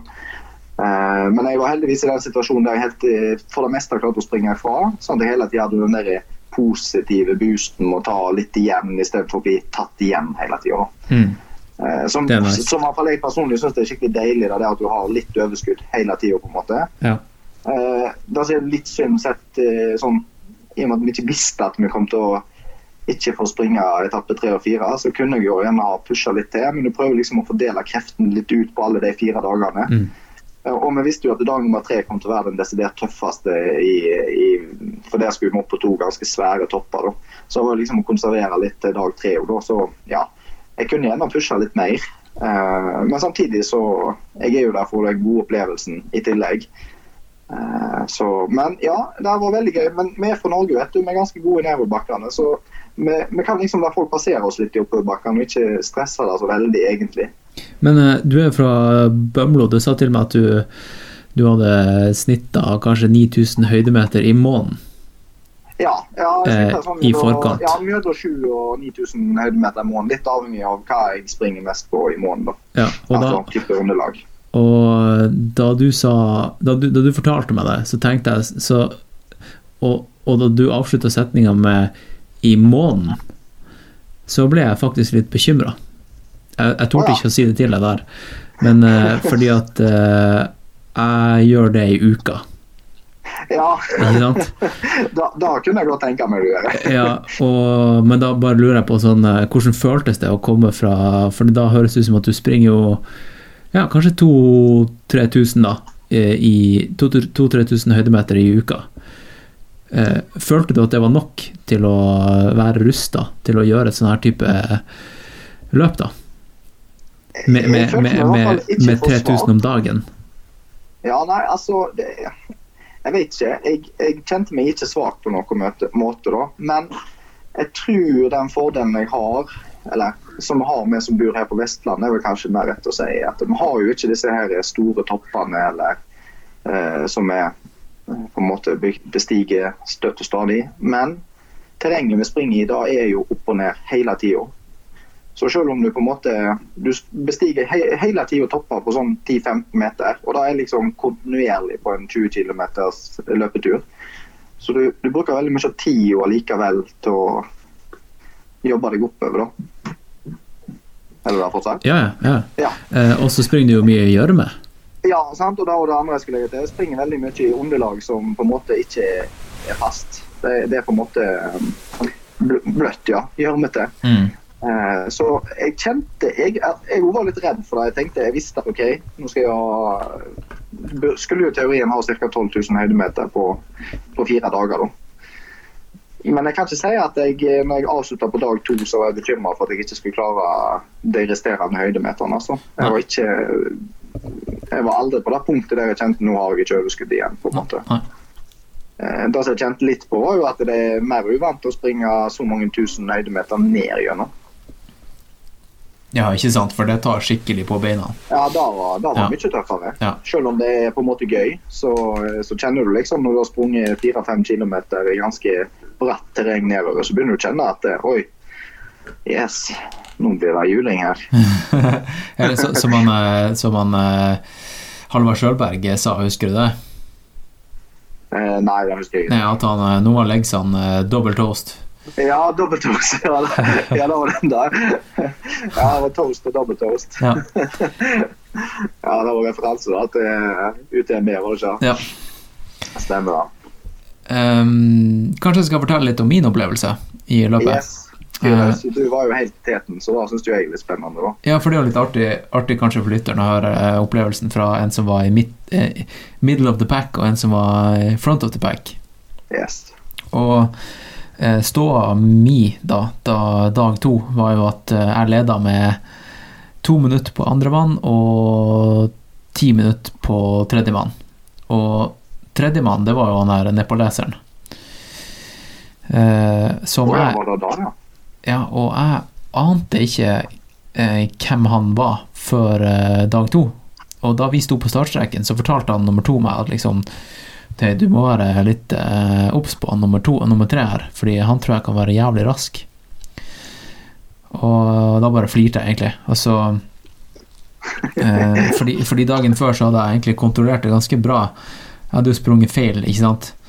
Eh, sprunget feil en kilometer og tatt igjen teten og vunnet. Så jeg tenkte liksom det her Hvis jeg bare gjør som jeg gjorde i går, så, så kan jeg eh, vinne. Men saken var jo også det at jeg hadde jævlig vondt i ribbeina. Ja? Du hadde jo vondt å krøpe litt, du. Ja, jeg hadde Jeg hadde mm, nå, nå, nå er jeg sikker på det. Nå har jeg brekt eller brista to ribben. Eh, og, og, og det gjorde så sjukt vondt opp den første bakken der.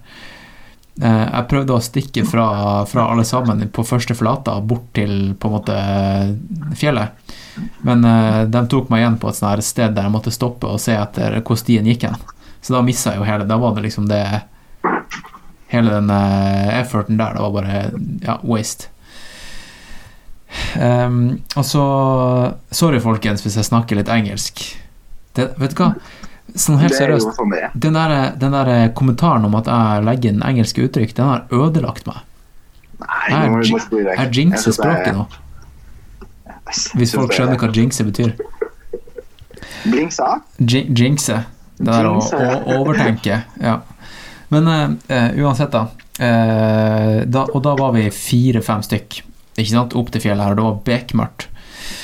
Um, fra Zermatt og opp denne skråninga her, opp mot uh, Matterhorn. Og jeg hadde jo vært på løypa før, jeg visste liksom hva som var over tåka, og det var jo det majestetiske fjellet. Um, så da og, og, og da og da plutselig kommer han der nepoleseren bak meg, og med å bare puste med nesa, ikke sant? Og jeg tok jo fram eh, stavene og begynte liksom å, å få en ganske sånn bra rytme med sånn tripp, tripping og eh, bra stavbruk, bra teknikk. Litt sånn elg... Eh, hva heter det? Elgkufs? Nei, det har ikke peiling på. Du vet at Sånn som er skifolk. Ja. Sånn skifolkuttrykk, da av et jeg. Ja. Også, men han, han hadde ikke staver, så gikk han med sånne lange steg. Han sprang ikke. Han gikk Å ja. veldig sykt effektive lange steg. Eh, Ja. og eh, siden han pusta så lite, så tenkte jeg ja, selvfølgelig Han kommer jo fra Nepal. Han, jo, han bor jo i, i Himalaya og kommer fra høyden. Og det stemte jo, ikke sant? Eh, så det var jo ikke noe, noe, noe spøk der, der. Men jeg hadde jo også da et handikap, og det var jo det at hvert eneste steg og åndedrag gjorde jo ekstremt vondt. For du hadde jo Jeg hadde brekt to ribben.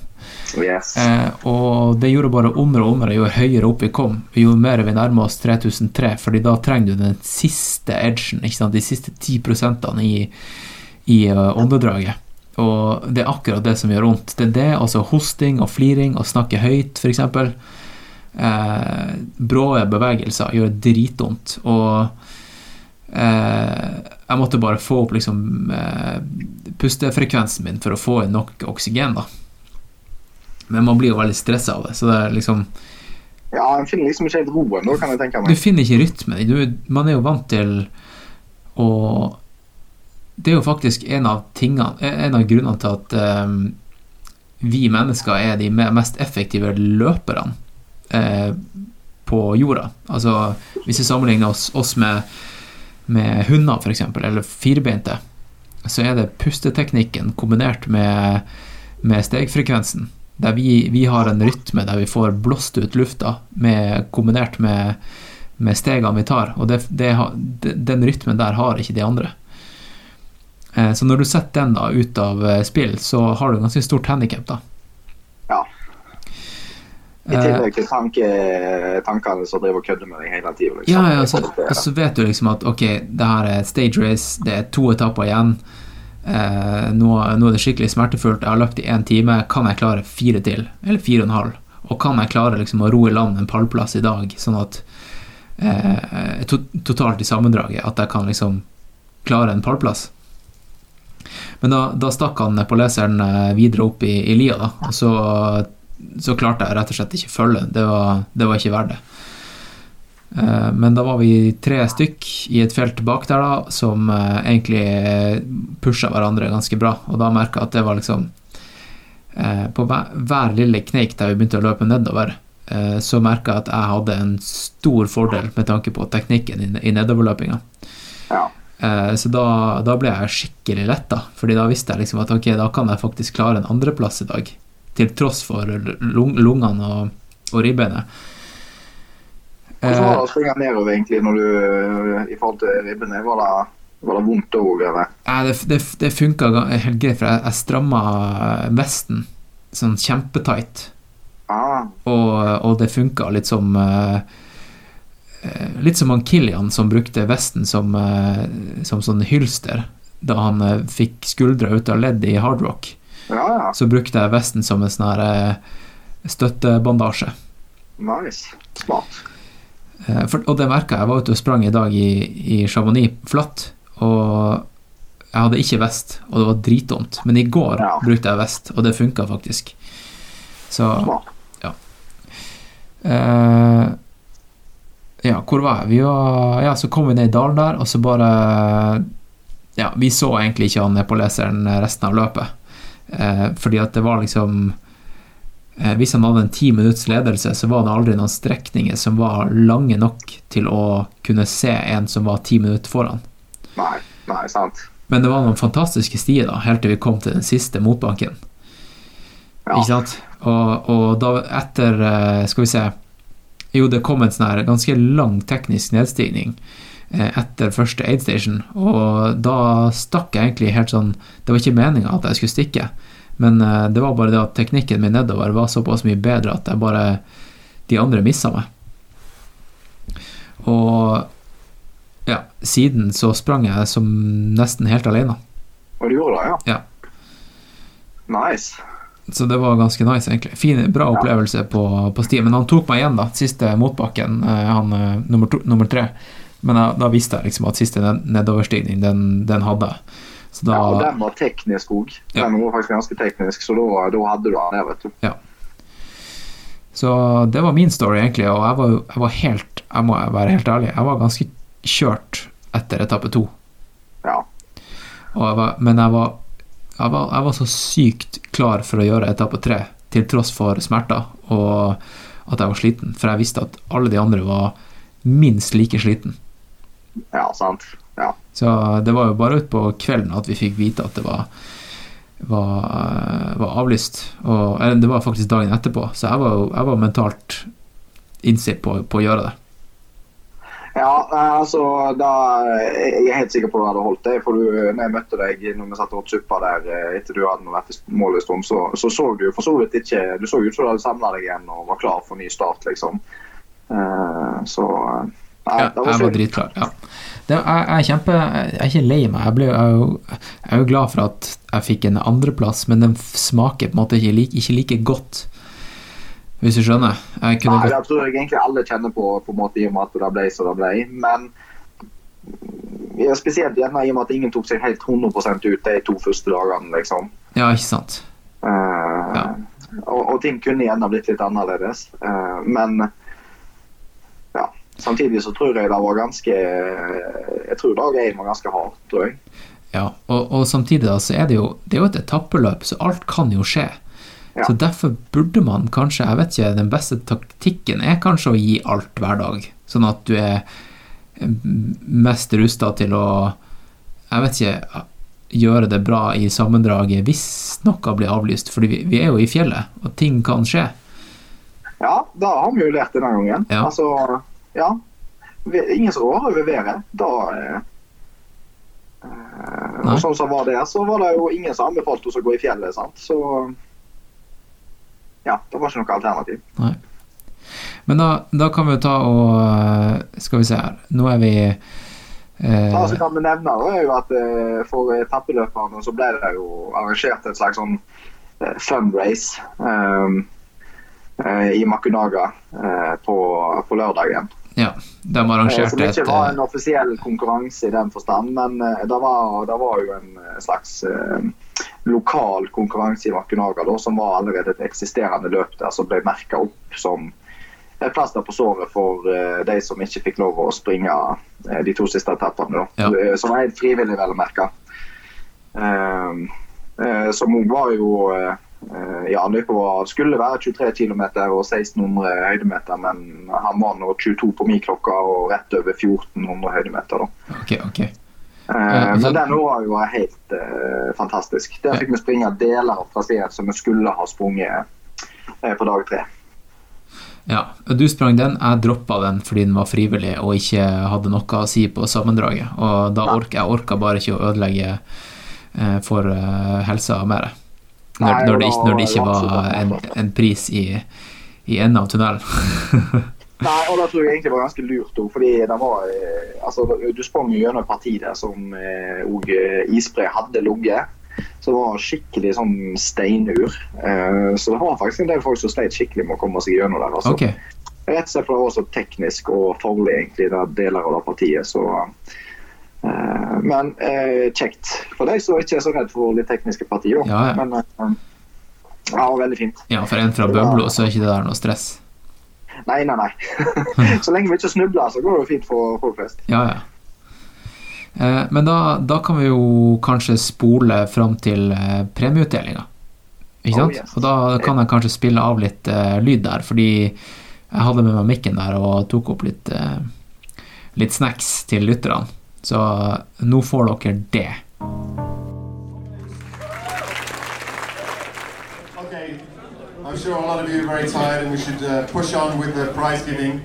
Um, should we- Right, let's do the, the stage race.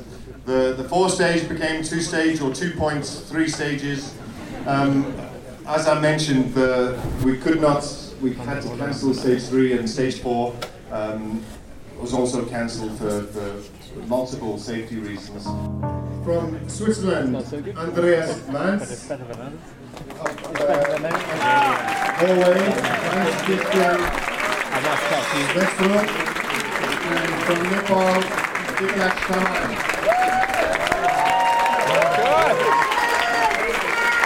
Good job! Good job! Please, on the podium, if you can. Congratulations, everybody. Well done.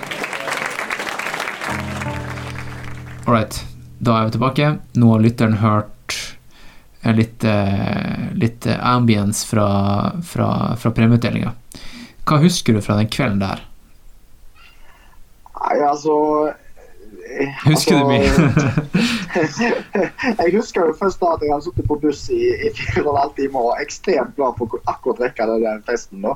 Ja. Eh, der var eh, Altså, jeg vet ikke, jeg. Altså, de som Altså, jeg, For meg så tenkte jo jeg når jeg kom der til, da tenkte jeg for de som har vært så heldige å få lov å springe på Møgster og fått vært med på Bømlo Ultra, skikkelig sånn samhold. Uh, altså eh, ikke for stort arrangement, altså selv om det er jo et stort arrangement, på en måte, men eh, det var likevel veldig nært. Utrolig mye fine samtaler rundt bord i, i forskjellige telt. Eh, mat til alle løperne. Bra mat, vil jeg si, da, til å være til så mye folk. Eh, ja. Masse fine samtaler og folk fra alle tenkelige verdensdeler. sant? Samla i ei søa i en liten by i Sveits, liksom. Ja.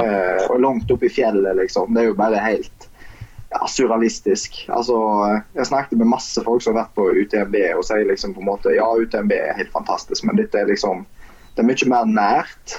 på en måte. Det er ikke så kommersialisert, på en Ja, måte, så nei. det blir mye nærere. Det er liksom byen som stiller opp med ja, Det er så mye frivillige, sant. Og eh, ja. Det er litt interessant, der, for det, det var ikke det prestasjonsfokuset som det er på andre store race.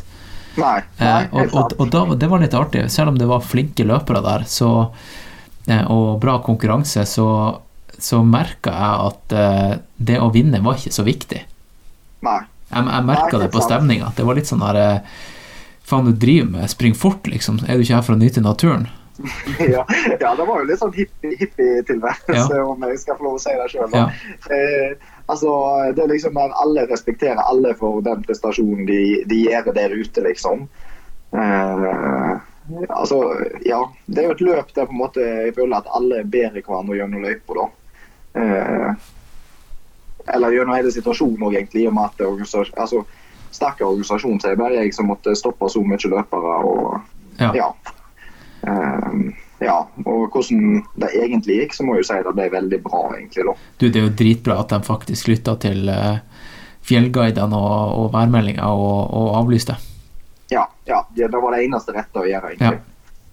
Ehm, ja, du nevnte jo det der med samholdet, og at vi møter mange, mange, mange folk fra alle, alle verdens eh, kanter. Jeg møtte, Da vi venta på bussen, så møtte jeg eh, Eller så tenkte jeg jeg skulle drepe litt tid, og så skulle jeg recorde podkast med noen folk. Eh, og jeg posta, jeg vet ikke om du så på Patrion, jeg posta en uh, podkast i morges. Jo, jeg så det. Jeg lurte på om jeg skulle prøve å få høre dem mens jeg var ute og sprang i dag, men Ja. ja, jeg valgte stillhet og ro. Ja, jeg tenker å Fordi den podkasten, den eh, eh, Det var med mm, en som heter Klaus vom Brokke Brocke fra, fra Tyskland, og en kis som heter Jeg tror det var Paul fra Colorado. Eh, han sa ikke etternavnet sitt, men eh, han eh, Klaus, han, han var min rom, romkamerat to netter. Ja, jeg, jeg håndhilste vel nett så vidt på han da. Var ikke han vi tok gruppebilde i lag med der på slutten av kvelden? Ja, ja, ja. Så jeg tenker Jeg tenker å, å gi ut den podkasten der etter hvert, kanskje på iTunes eller noe sånt der, men jeg skal i hvert fall gi en liten teaser av eh, praten nå. Hi, uh, my name is Klaus from Brocke. I'm born in Bavaria. I'm doing Where's Bavaria? Bavaria, Munich, south of Munich. Yeah. I'm living in the Alps, and um, I'm doing ultras for almost 20 years now. Started with desert desert runs, um, and this race UTMR is supposed to uh, be my last one, my farewell. Ever? Are I you, think Is this your I think so. farewell race? Yeah, because I have problems with the hips and everything. So be careful what you're doing. Go slowly. Do you think you got the problems from ultras or Absolutely.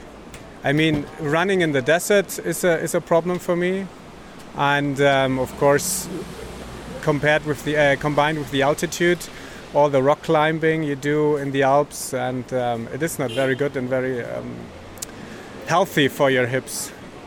I can imagine. And you come from handball, so you And also I had came some, from handball as well. Yeah, it was, but nevertheless, it's, it's a lifetime experience to uh, to do these ultra races and um, and you're getting to know each other. That, that really makes makes a difference. Speaking of getting to know each other, before we get into ultras, uh, who who's the other guy here? Uh, Paul from Colorado, USA. All right. Where in Colorado? Uh, Boulder, which is right up against the foothills of the Rocky Mountains. What made you sign up for the first ultra? Uh, peer pressure. do at the moment. Uh, 20 years ago, how did you start ultra running? Because back then, it was very niche. Now it's getting now it's getting uh, more popular. Uh, I think uh, when you hear of people running 100 k's, uh, you don't raise your eyebrows Yeah. as high now as you did like 10 years ago. Um, how did you get into it 20 years ago? Well, it's a strange reason. I had a terrible accident and I was uh, happy to survive and to forget everything. I was with the psychologist and blah blah blah. And to forget everything, um, there was a there was a race. It's it's not on anymore. And in Algeria, a desert race, and that fascinated me to forget everything. And that was quite quite interesting because I was there. It was a stage race, intense. And, uh, Ja, og da hørte du teaseren av, eh, av den praten der. Eh, det som var fett, var at han, han, eh, han Klaus han mente jo det at eh, ultraløp, for han så var det restitusjon, recovery, rett og slett. Eh, Nice. han uh, jobba som en sånn her eh, eh, jetset eh, eh, advokat i eh, Han heter vel eh, doktor eh, Klaus von Brocke og eh, en sånn her eh, super high achiever, ikke sant, og bare Han drakk kaffe hele dagen, og helt til han la seg, fordi at han var så vant til å bare være oppe hele dagen og jobbe og stresse. Så han jobber sjukt mye, og så drar han på de her ultraløpene for å koble av. Medisin. Det er medisin, rett og slett. Han, han kalte det for defragmentation. Nice. han har gjort ultraløp i 20 år nå. Og ja, dere får bare høre podkasten, tenker jeg, folkens. Bare vent litt, så kommer den kanskje. Ja, kanskje den kommer på Blazing Podcast. Ja, hvis han snakker engelsk, så bør han jo komme Ja, med. den kommer på Blazing Podcast. Dere får en Ja. link i, eh, i shownotes. Blazing. Um, Ja, der må en ny òg nå snart. Ja, det, den må få påfyll. Ja. Jeg fikk en e-post fra dem som, eh, den, dem som hoster eh, podkast, podkastene mine. Eh, Ja. Og da får jeg sånn ukentlig statistikk, og den hadde ganske så mye mindre enn Nå er det alvor. Så, så det, den, den må fôres. ja. Må bare gunne på. Og jeg tenker jo å lage en sjuk podkast fra Nepal også. Ikke bare én, men masse. Ja, Der må det jo bli masse bra innhold, tenker jeg. Ja, ikke bare fra løpe, altså intervju med løpere, men fra lokalbefolkning og ja, ta det litt større enn bare løping. Se på Ja, altså, jeg tenker Det er jo historiene som er interessante, ikke nødvendigvis at alle springer. sant? Nei, altså den podkasten her, den er, den er jo ikke en ultraløpepodkast, selv om det er mange som tror det. Det er jo en, en podkast som handler for det meste om out, altså, den sjangeren som heter outdoors, alt som er utendørs, og historiene rundt det. Ja. Så at hvis, du ser, hvis du ser litt stort på det, da. Eh, men det at jeg, det er jo Grunnen til at det har blitt litt sånn ultraspesifikt, er jo fordi at det er jo det jeg driver med for det meste. Ja, men altså, og, og det er jo helt naturlig. altså Det blir jo prega av det en er opptatt av. på en måte. Ja, ja. Eh, Det er jo helt naturlig. Men eh, det er jo det jeg liker litt med, med podkastene. er jo da at eh, ja, vi liker løping, men det er ikke det eneste i livet vårt. på en måte. Og Nei. det syns jeg er litt bra. Og da kan jeg godt reflektere. på en måte. ja Eh, det kan bli litt mye, altså. Ja, det tenker jeg òg. Jeg blir litt lei av å bare snakke om løping, på en Ja. måte, selv om en liker det. på en måte. Jeg har hørt på podkast i, i hele dag, nesten. Eh, og liksom sånn her ultrarunning podcast, og den, jeg, hør, jeg hørte intervjuet med Courtney DeWalter, hun som vant uh, UTMB på kvinnesida. Eh, og så begynte jeg på eh, Trailrunner Nation podcast, og ja, det, det blir bare Vet du hva, jeg var nesten fed up. Fed up med løping. Og alle snakka om UTMB, og jeg satt her i Chamonix og bare Det ble litt sånn overload, da. Ja, det blir det. det. Og så til slutt så på en måte så glemmer en litt at det det andre ting ut forbi den bobla der, hvis en bare snakker om løping. på en måte. Ja. Men, men, og så men I ikke den hvis du store sammenhengen så driter jo folk flest i om du springer eller om du hinker, holdt det på å si. Ja ja, herregud. Um, altså, folk det, det er artig, for at eh, i hvert fall folk som debuterer med ultraløp, eller er litt sånn nyfrelst, da, de, Ja. de føler jo at de er uovervinnelige, ikke sant? Og at de er noe ekstremt spesielt. Ja. Jeg, altså, jeg, jeg, jeg gjorde jo det da jeg var Ja. Jeg, jeg gikk jo rundt helt seriøst og trodde at jeg var the shit. Var du ikke det, altså? Jeg, jeg, jeg var ikke cocky og sånt, men bare inni meg så tenkte jeg sånn her Jeg springer ultra. Jeg, jeg, har, jeg har noe ekstra som ikke du har, ikke sant? Super Litt sånn jeg bare, Når jeg tenker tilbake på det, så var det sånn her Det er ikke bra, ass. Ingen, Nei, er ingen er jo bedre enn noen.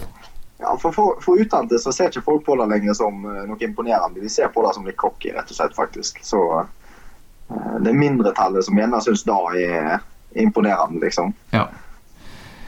Eh, Så, um, så slutt med det, folkens. Hvis du er ny til ultra, eh, ny til podkast Ja, det er fett å springe ultra, men um, eh, jeg, vet ikke helt hva jeg skal si.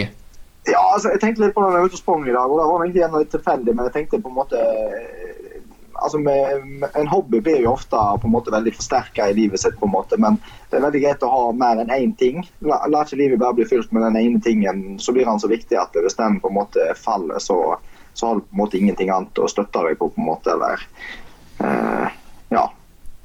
Eh, Nå er jo løpemiljøet i Norge relativt lite, egentlig, sånn sett, så, så eh, jeg tror en kan ganske fort bli utbrent i Norge hvis en er avhengig bare av løping etter hvert. For det, det blir plutselig dagene der det ikke er så gøy å springe lenger. Ja. Uh, og da er det ikke, i hvert fall sånn som her, ingen løpegrupper du kan henge deg på liksom, for å fòre uh, på en måte inspirasjon og motivasjon. og Det begrenser seg hvor mange YouTube-videoer som inspirerer deg etter hvert. liksom. Uh, så ja, har flere ting å finne på. Gjerne utenfor sport òg. Hva du gjør for å koble av, da? For å, ja, har du noen andre hobbyer? Nei, altså selvfølgelig Når du er sånn som meg som har familie og full jobb, og sånn, så på en måte er det jo ikke så vanskelig å fylle dagene. Det helst er mulighet til å rømme litt og få lov å springe litt, kan du si. Ja, ja. sånn som i dag, så altså er det liksom opp, opp eh, Du er på jobb liksom før sju, og så er du hjemme før eh, ja, til fire, og så er det middag, og så er det leselekse, og så er det skvise inn en liten løpetur mens ungene er på turn, og så er det liksom Ja, det går slag i slag. Så, så for meg så blir det jo på en måte da å få litt alenetid, da egentlig. Eh, Da blir det jo på en måte luksus. Og, og da bruker jeg ofte løpeturene til det. Eh, Men eh, familie tror jeg er viktig. Stelle med, ha kontakt med familie. De er ikke rundt deg for alltid, på en måte. Og stell med vennskap tror jeg òg er veldig viktig. altså. Mm. Og så er det ikke sånn at alle venner en har springer, så da kan en heller tilpasse seg litt sjøl òg. Gjerne dra på en fisketur eller ja, bare gå en tur for den del. Så ikke alle kamerater og venner tror at det kan ikke gå med Ruben, for han, han må springe, han liksom. Jeg tror det, det, tur, jeg, jeg tror det er det folk tenker om meg. Jeg har jo litt sånn selektivt eh, lagt fra meg kompiser som ikke driver med løping. Eh, eller som har andre typer hobbyer enn en det, da. Som, som ikke er Jeg vet ikke. Sunne hobbyer, da. Ja, altså, Jeg er helt enig med deg. Jeg òg trekkes nok til å, å være mest med de som har sunne hobbyer. Da skal jeg være helt ærlig. Uh, ja, Ikke er jeg noe særlig på drikking eller noe sånt, så sånn party og sånn. Da, da heller vi liksom bevisst under, for da, da føler jeg meg bare utilpass, rett og slett. Ja. Men på lørdag, da var det party. I hvert fall for Ja, min da, del. var det, da så det ikke ut som det var mye eh, idrettsutøvere som var samla på en plass. for å si altså. ja, nei, da, Der var det høy partyfaktor, altså. Ja. Nei, men det er artig iblant, det der. der altså. Ja, nei, det, det er gøy å se at eh, liksom selv de som på en måte lever på millimeterprestisjon når de kommer på næring, vet du, de kan, de kan fortsatt liksom ta seg en fest. Ja, ja. Så, så det var litt kjekt å se, da. Uh, ja. Ja, hva, hva er planen din nå, egentlig? Ja, nå begynner det å bli høst i Norge. Det gjør det for så vidt i Chamonix også. Jeg var oppe på tregrensa i går, og der var det snø. Uh, ja, det var det, ja. ja. Hva, Det er kaldt er der ennå, eller? Ja, det er kaldt her, ja. Det er, Ja, det er det, det er liksom eh, Det er liksom fem-seks grader på morgenen. Um, ja, det, ja, det er ganske kaldt. Og så i morgen skal jeg opp på en topp som er på 3009 meter, tror jeg. Og den tror jeg kan bli kald. ta med deg varme klær. da. Jeg skal gjøre det. Jeg skal ta med meg alt eh, som var påkrevd på løpet. Eh, og, og den toppen der, den, den eh, kalles på på lokal eh, Hva man skal kalle det? På lokalt folkemunne her. eh, For eh, damenes Mont Blanc. Å ja. Det er derfor du må opp? Ja, det, det, er fordi at, det er fordi at den, var, den er litt enklere, da. Det er en litt sånn enkel topp. Som, som de sendte damene på i gamle dager, da, da mannfolkene skulle opp på, på Mont Blanc. Altså, det er ikke det at du vil opp og se etter dame, altså. Nei. Ja, da blir det Chamonix sentrum. Ja, nei, hva planer har jeg? Det var et godt spørsmål. Eh, Jeg skal springe i Stavanger et sånn halvmaraton som de har i første helga i november. da. Eh, Tresjøerløpet heter det vel. Ja. Eh, Som jeg har vært med på ja, blir dette fjerde året mitt, eller blir det femte? Jeg er litt usikker. Eh, som er sånn, mest en sånn social event, egentlig. For min del, også. Vi har litt venner i Stavanger, så jeg syns det er kjekt å ta med familien, ungene, de og heie. og Da pleier kona å springe, så da på en måte Ja. Det en sånn eh, happening for hele helga, egentlig. Jeg hadde jo litt lyst til å springe eh, den der Nordmarka Ultra Challenge. Jeg vet ikke hva den heter nå. Jeg vet den fikk nytt navn. Som er i oktober, men jeg ser at da får jeg ikke til, også. Så Du, det er et nytt race eh, ja, på, på banen her nå. Lillomarka rundt, det er Ja, nok det det, feteste racet du kan gjøre. Ja, det var 50 da, eller 45 eller noe sånt. Det er 50. Og det, det som er så sjukt fett med det løpet der, det er at det er gratis. Ja, jeg så det. Og- Lillomarka er gratis. Sto det der stien er gratis, eller marka er gratis. Ja, men, det, men det, det er veldig i ånden til, eh, til Jeg vet ikke eh, Samtiden, da. Ikke sant? Du, du, du kan vippse det som du føler at det er verdt, hvis Ja. du har lyst på Ja, når du er ferdig med løpet. Men da var det noe i september, hva? Uh, nei, det er oktober. Er det oktober? Ja, jeg, jeg husker ikke datoen. Jeg tror det er 17. eller noe sånt. Ja, Eller for det hadde vært litt kjekt. Ja, jeg håper ikke jeg har miksa det med den her eh, funrun-greia til noe alvor. Hvor var det eh, Jeg, jeg så jo noen la det ut på Insta i dag, en dato eller et eller annet. Ja. Men det, det er i hvert fall i oktober, så det er bare hvis folk lurer, bare gå inn på Facebook og søk på Lillomarka rundt. Eh, og det blir eh, Det er jo Johannes Rummelhoff som er arrangør. Og han vil jeg, han vil jeg si han er eh, Norges og eller Nord-Europas svar på han Laz, han der eh, Han som eh, arrangerer Barkley. Oh, ja. Så han liker å se andre lide, han da. Ja, jeg tror Han liker å lide sjøl, men jeg tror han, eh, han beveger seg nå over på Når han skal begynne å, å arrangere løp, så kommer han til å bli den nye torturguruen. Og eh, han har jo fått en del eh, Red Bull, så jeg tror han kommer til å eh, stille ut en del Red Bull på stasjoner, for det blir stasjoner selv om det er gratis. Eh, jeg, og jeg tenker kanskje å bake litt ultraboller. Nice. Ja, ja, ja. Jeg skal ikke løpe løpet sjøl, men jeg skal være med å markere løypa og, og 19. oktober er det. 19. oktober, ok. Ja. Ja. Ja, da, da hadde det faktisk kanskje passa. Da, da hadde det vært fett. ja. Da, da kan faktisk passe, da. Så, ja. Men eh, det står jo veldig lite om hvordan det blir organisert og sånn, da. Ja, men det, det, er jo, det, er jo, det er jo ikke noe ITRA-poeng eller noe sånt. Så det, det er jo bare å, å stille der det er skrevet opp at du skal stille, og så springer du ruta som er markert, og så Ja, for han er markert. Det. Den, er, den skal jeg markere for hånd, jeg og Johannes, så eh, det blir bra. Jeg må gjerne bare komme der til, da. altså. Det hadde vært helt konge. Ja, ja. Faen, det burde jeg sagt i introen. Jeg burde sagt at den var, den episoden her er hovedsponsoren er Lillomarka rundt. Ja, men du klarer å trikse og mikse da inn litt i, som en utro, du, eller? Nei, men vet du hva? Den- Den hovedsponsoren her, det er, det er Scott og Fibra, og så er det eh, konkurransen med Hono, Hono Foundation som er Ja, ho det er hovedgreia. Ja, Ja, det er hovedfokus. Um, ja.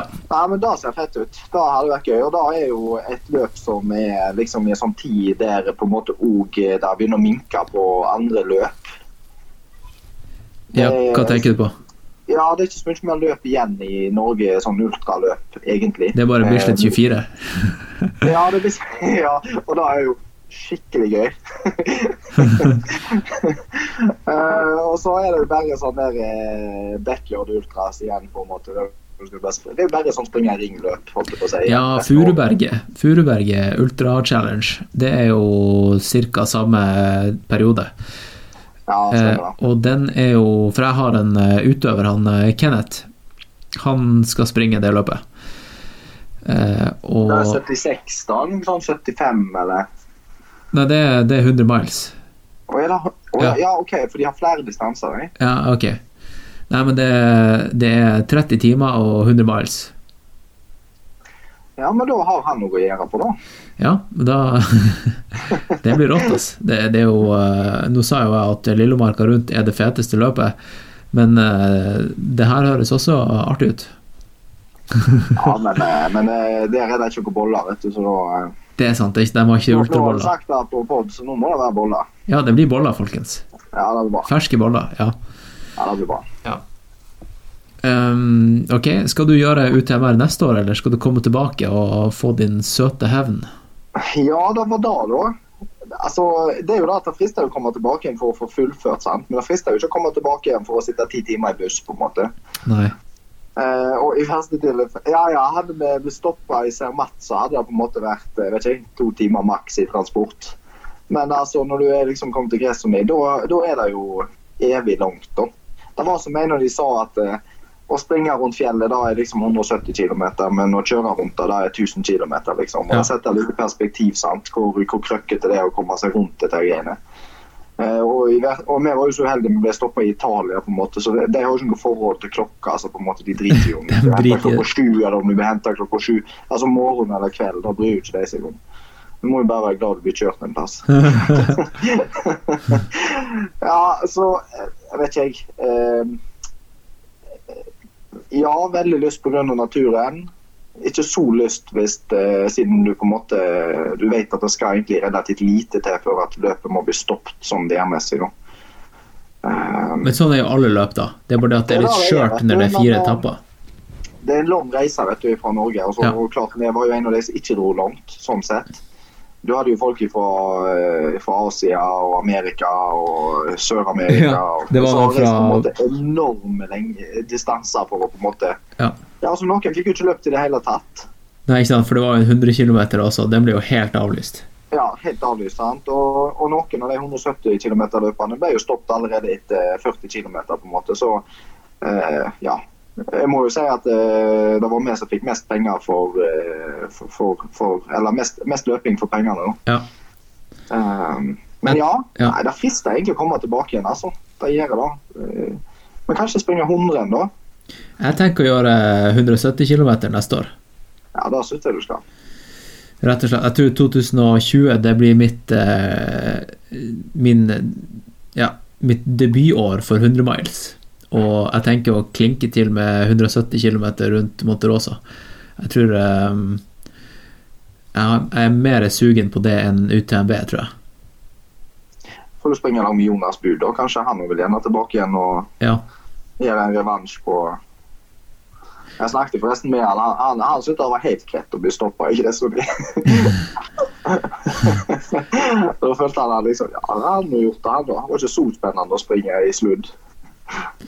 Nei, jeg skjønner det godt, altså. Men uh, det å springe rundt Monterosa og den organisasjonen der sammenlignet med UTMB, da, som er blitt en sånn pengemaskin, uh, så merker du at uh, de folkene som står bak det løpet her, de, de gjør det for de riktige grunnene, liksom. De, de bare Ja. ønsker å lage et sjukt fett race i de feteste omgivelsene jordkloden har å tilby. Ja. Ja. Ja, så er det jo litt av det. sant? En ting er jo at løypa er jo altså, For de som er kresen på ei godt merka løype, så er jo dette her helt perfekt. Altså, Bortsett fra at jeg løp feil. Ja, men det er jo sånn vet du når du springer på feil side av veien. Men, men altså, det var, det var bra merka. Eh, når du kommer på checkpointer, så er det liksom store smil. Det er eh, Kan det hjelpe deg å fylle flasker? De er liksom på med en gang. Eh, og på en måte, Men ikke sånn masete, sant. Eh, og det er smil og det er klapp på ryggen og, og, og lykke til videre. sant? Du ja, føler deg liksom som en helt hver gang du ser noen. Ja. Eh, og, og da tenker jeg det, ja, det betyr jo egentlig ganske mye. Eh, Det er kult den der altså, positiviteten den er utrolig viktig. Ja, altså. det er kult å høre, fordi jeg tenker jo kanskje at eh, det dabber av jo mer folk som har kommet gjennom stasjonene. Fordi jeg som er, jeg som er en av de første, så er det jo alltid kanskje veldig kult for dem som, jobb, dem som jobber på stasjonene, fordi at jeg er bare et, sånn her, et nytt menneske. De har ikke sett mennesker på flere timer. Eh, og derfor er de entusiastiske. Men eh, hvis de klarer å holde den entusiasmen liksom på langt bak i feltet også, så er det dritkult. Ja, sant. Og, og, og det er klart, eh, jeg, jeg kan jo ikke svare for de som var helt bakerst i feltet, men jeg fikk ikke inntrykk av at de var på stumpene når de var liksom siste nykk av, av det å være hyggelig, på en måte. Så, um, og jeg følte jo at vi har bra med folk på checkpoint, og det er ikke sånn at det står to der og er utbrent, liksom. Eh, og da, og da tror jeg litt, eh, og, sånn, litt spesielt for løpet er at det er så mange frivillige, på en måte. Eh, Ja. Er du der for å supportere en løper, på en måte, så er du òg ute på checkpunktet og på en måte heier på alle, liksom. Eh, Så, så det er en veldig sånn eh, lagånd i den organisasjonen, virker det som. Altså. Ja. Og hun, hun Lizzie Hawker, som er race director, hun har jo vunnet UTMB fem ganger. ja, og Og, da skulle du ikke tro når du treffer henne, på en måte. Ærlig. Hun er ikke mye høy på seg sjøl, hun. nei, og eh, det var vel den eh, natta eh, da alt ble avlyst, så var hun oppe i ett- eller to-tida og markerte ny, et nytt løp. Eh, sånn spontanløp for, for dem som var i Gretchen. Ja. Så mm, ja, de bryr seg virkelig at, for at du skal få mest, peng, mest bang for the buck. Ja, nei, altså. Jeg snakket med noen av de andre frivillige, og de sa at hun, hun hadde bare sovet De antok at hun hadde sovet to timer i løpet av helga. Ja. Uh. Fordi hun, hun, var så, hun var, det var så viktig for henne at alle løperne skulle bli ivaretatt. Og så er det klart at Noen løpere er kjempeskuffa over ting blir avlyst. og De har gjerne brukt masse penger på å komme der til, og sånt, men ut ifra situasjonen og midlene så vil jeg påstå at de, de, de kunne egentlig ikke gjort så mye annet. Nei. Hun har gjort, hun har gjort Ikke bare har hun vunnet UTMB fem ganger, men hun har gjort den der, der Great Himalayan Trail to ganger. Ja, ja. Hun er helt god. Sprunget over hele Nepal. Ja, nei, hun er helt god. Og så er hun jo der å jobbe frivillig òg eh, hele vintersesongen. sant? Jo det, ja.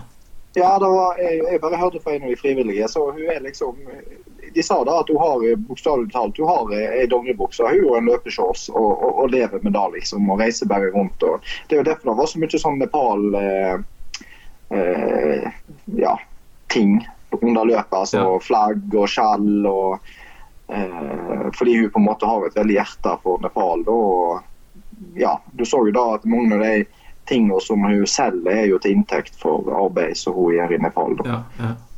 Eh, Så, så det er tydelig at hun har et veldig sånn eh, hjerte for å hjelpe henne, og ikke liksom sitte og salte ned pengene sine. Hun kunne helt sikkert blitt rik hvis hun ville, på en måte. ja, ja, ja. ja. men eh, den veien har ikke hun valgt å gå. Nei. Og det inspirerer jo egentlig henne, da. Eh, At folk setter seg sjøl litt til sides, på en måte. Eh, Kanskje hun er litt sånn ultraløperverdens mor Teresa?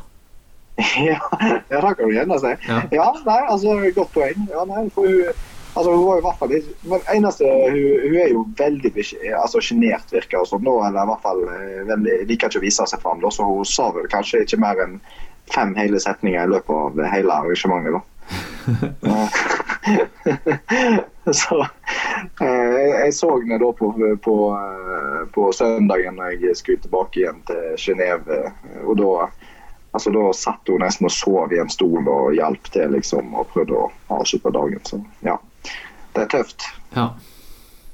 De, de jobber på, altså.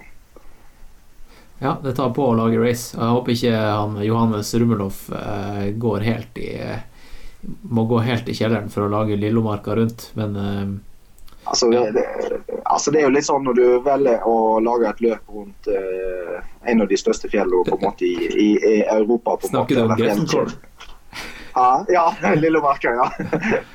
Største fjellet i Europa.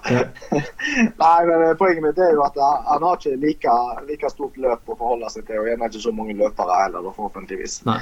Eh, da går det jo på en måte an, da. Det virker jo som Lizzie fortsatt har lyst til å drive det liksom litt sånn fra hånd til munn, men det er jo klart at desto større arrangementet blir, desto mer folk må inn som faktisk blir lønna for å gjøre jobben, sånn at det blir eh, gjort. Ja. Forventningen blir jo høyere desto mer folk som blir med. da. Ja. Eh, Men allikevel, det skjer mye i kulissene som vi ikke vet. De snakket jo om at det var eh, åtte fjellguider som på en måte er i fjellet til hver tid og evaluerer løypa vi springer i. Det er jo sånn som vi ikke aner, på en måte. ja, ikke sant?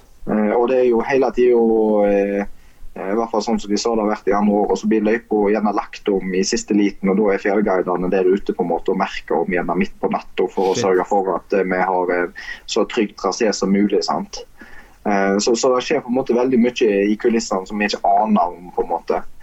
Eh, Og I tillegg så har de kontakt med redningstjenestene både i Sveits og Italia, altså helikoptertjenestene, og på en måte vurderer med de fortløpende i forhold til vær og vind. Og, så, så det skjer jo veldig mye sånn som vi ikke tenker på som løpere. på en måte. Vi tenker nå bare ja, vi må huske å spise litt gel i timen, og eh, at vi ikke skal ha gnagsår, da må vi finne plass der, liksom. Det er liksom der vi er. Eh, så ja. Det er, de, jeg tror de gjør alt for vår sikkerhet. Så kan vi jo heller eh, på en måte være litt misfornøyd med at eh, vi ikke fikk tekstmelding så fort som vi ville helst hatt. i dem. Ja, ja. Men da stresser ikke vi. Jeg tenker Vi vet hva vi melder oss på. Vi er jo der for at sånne ting kan skje. Du, jeg fikk, jeg fikk et lite lydopptak. Eh, eh, Sniklydopptak da, da det ble eh, røpt at, at løpet ble kansellert. Skal jeg spille av det nå, så kan eh, folk høre? She said, and the stage first. So she said, t- day four has been cancelled. They're organizing. Uh, But why, Why haven't we received any message about no, no, that? because it Neither might be do I. that you have a place to stay in. Some Martin people are getting That's why. emails I which mean, are not it's reaching worst everybody. organized race. Ah, well, I guess the platform is not. That's- tal. conozco. Sí, ¿cómo estás? ¿Lo has visto en eh, Chamonix alguna vez? Sí, to We sure? Ibas a hacer rumors? I don't know. I don't know. Og da har folk hørt det, og hvis du eh, Hvis du fikk med deg, så var det ei som responderte med å si sånn herre What? This is the worst organized race ever! It's the worst everybody. organized race. Da måtte jeg le, ass. Ja, altså jeg hørte jo at folk både spente i stoler og eh, Jeg hørte folk hadde vært oppe i fjellet for å sjøl få verifisert at det var så ille som på en måte eh, organisasjonen ja, altså organisasjonen påsto. da. Eh, og vi så jo òg at eh, folk på Facebook eh, skulle tro de var født i Eller de gikk i barnehagen noen, sant. Ja, ja. Eh, Så, så det er jo litt sånn Da vet de ikke hva de snakker om. Nei, nei. Eh, På en måte, da eh, ja, Da kunne de nesten bare fått lov å sprunge opp der og funnet det ut sjøl. Altså. ja. Eh, ja. altså, det er jo klart jeg er helt enig. Vi kommer fra Norge og vi tenker jo at vi har sett alt som er av kaldt vær og surt og sånn, på en måte. Men på en måte, vi, vi har lagt våre liv i deres hender vi egentlig, i forhold til sikkerhet. Og da må vi stole på dem når de sier at det ikke er greit. altså. Ja. Du, du, Tenker nå jeg. Du, Ruben, det her blir jo veldig sånn ultraepisode.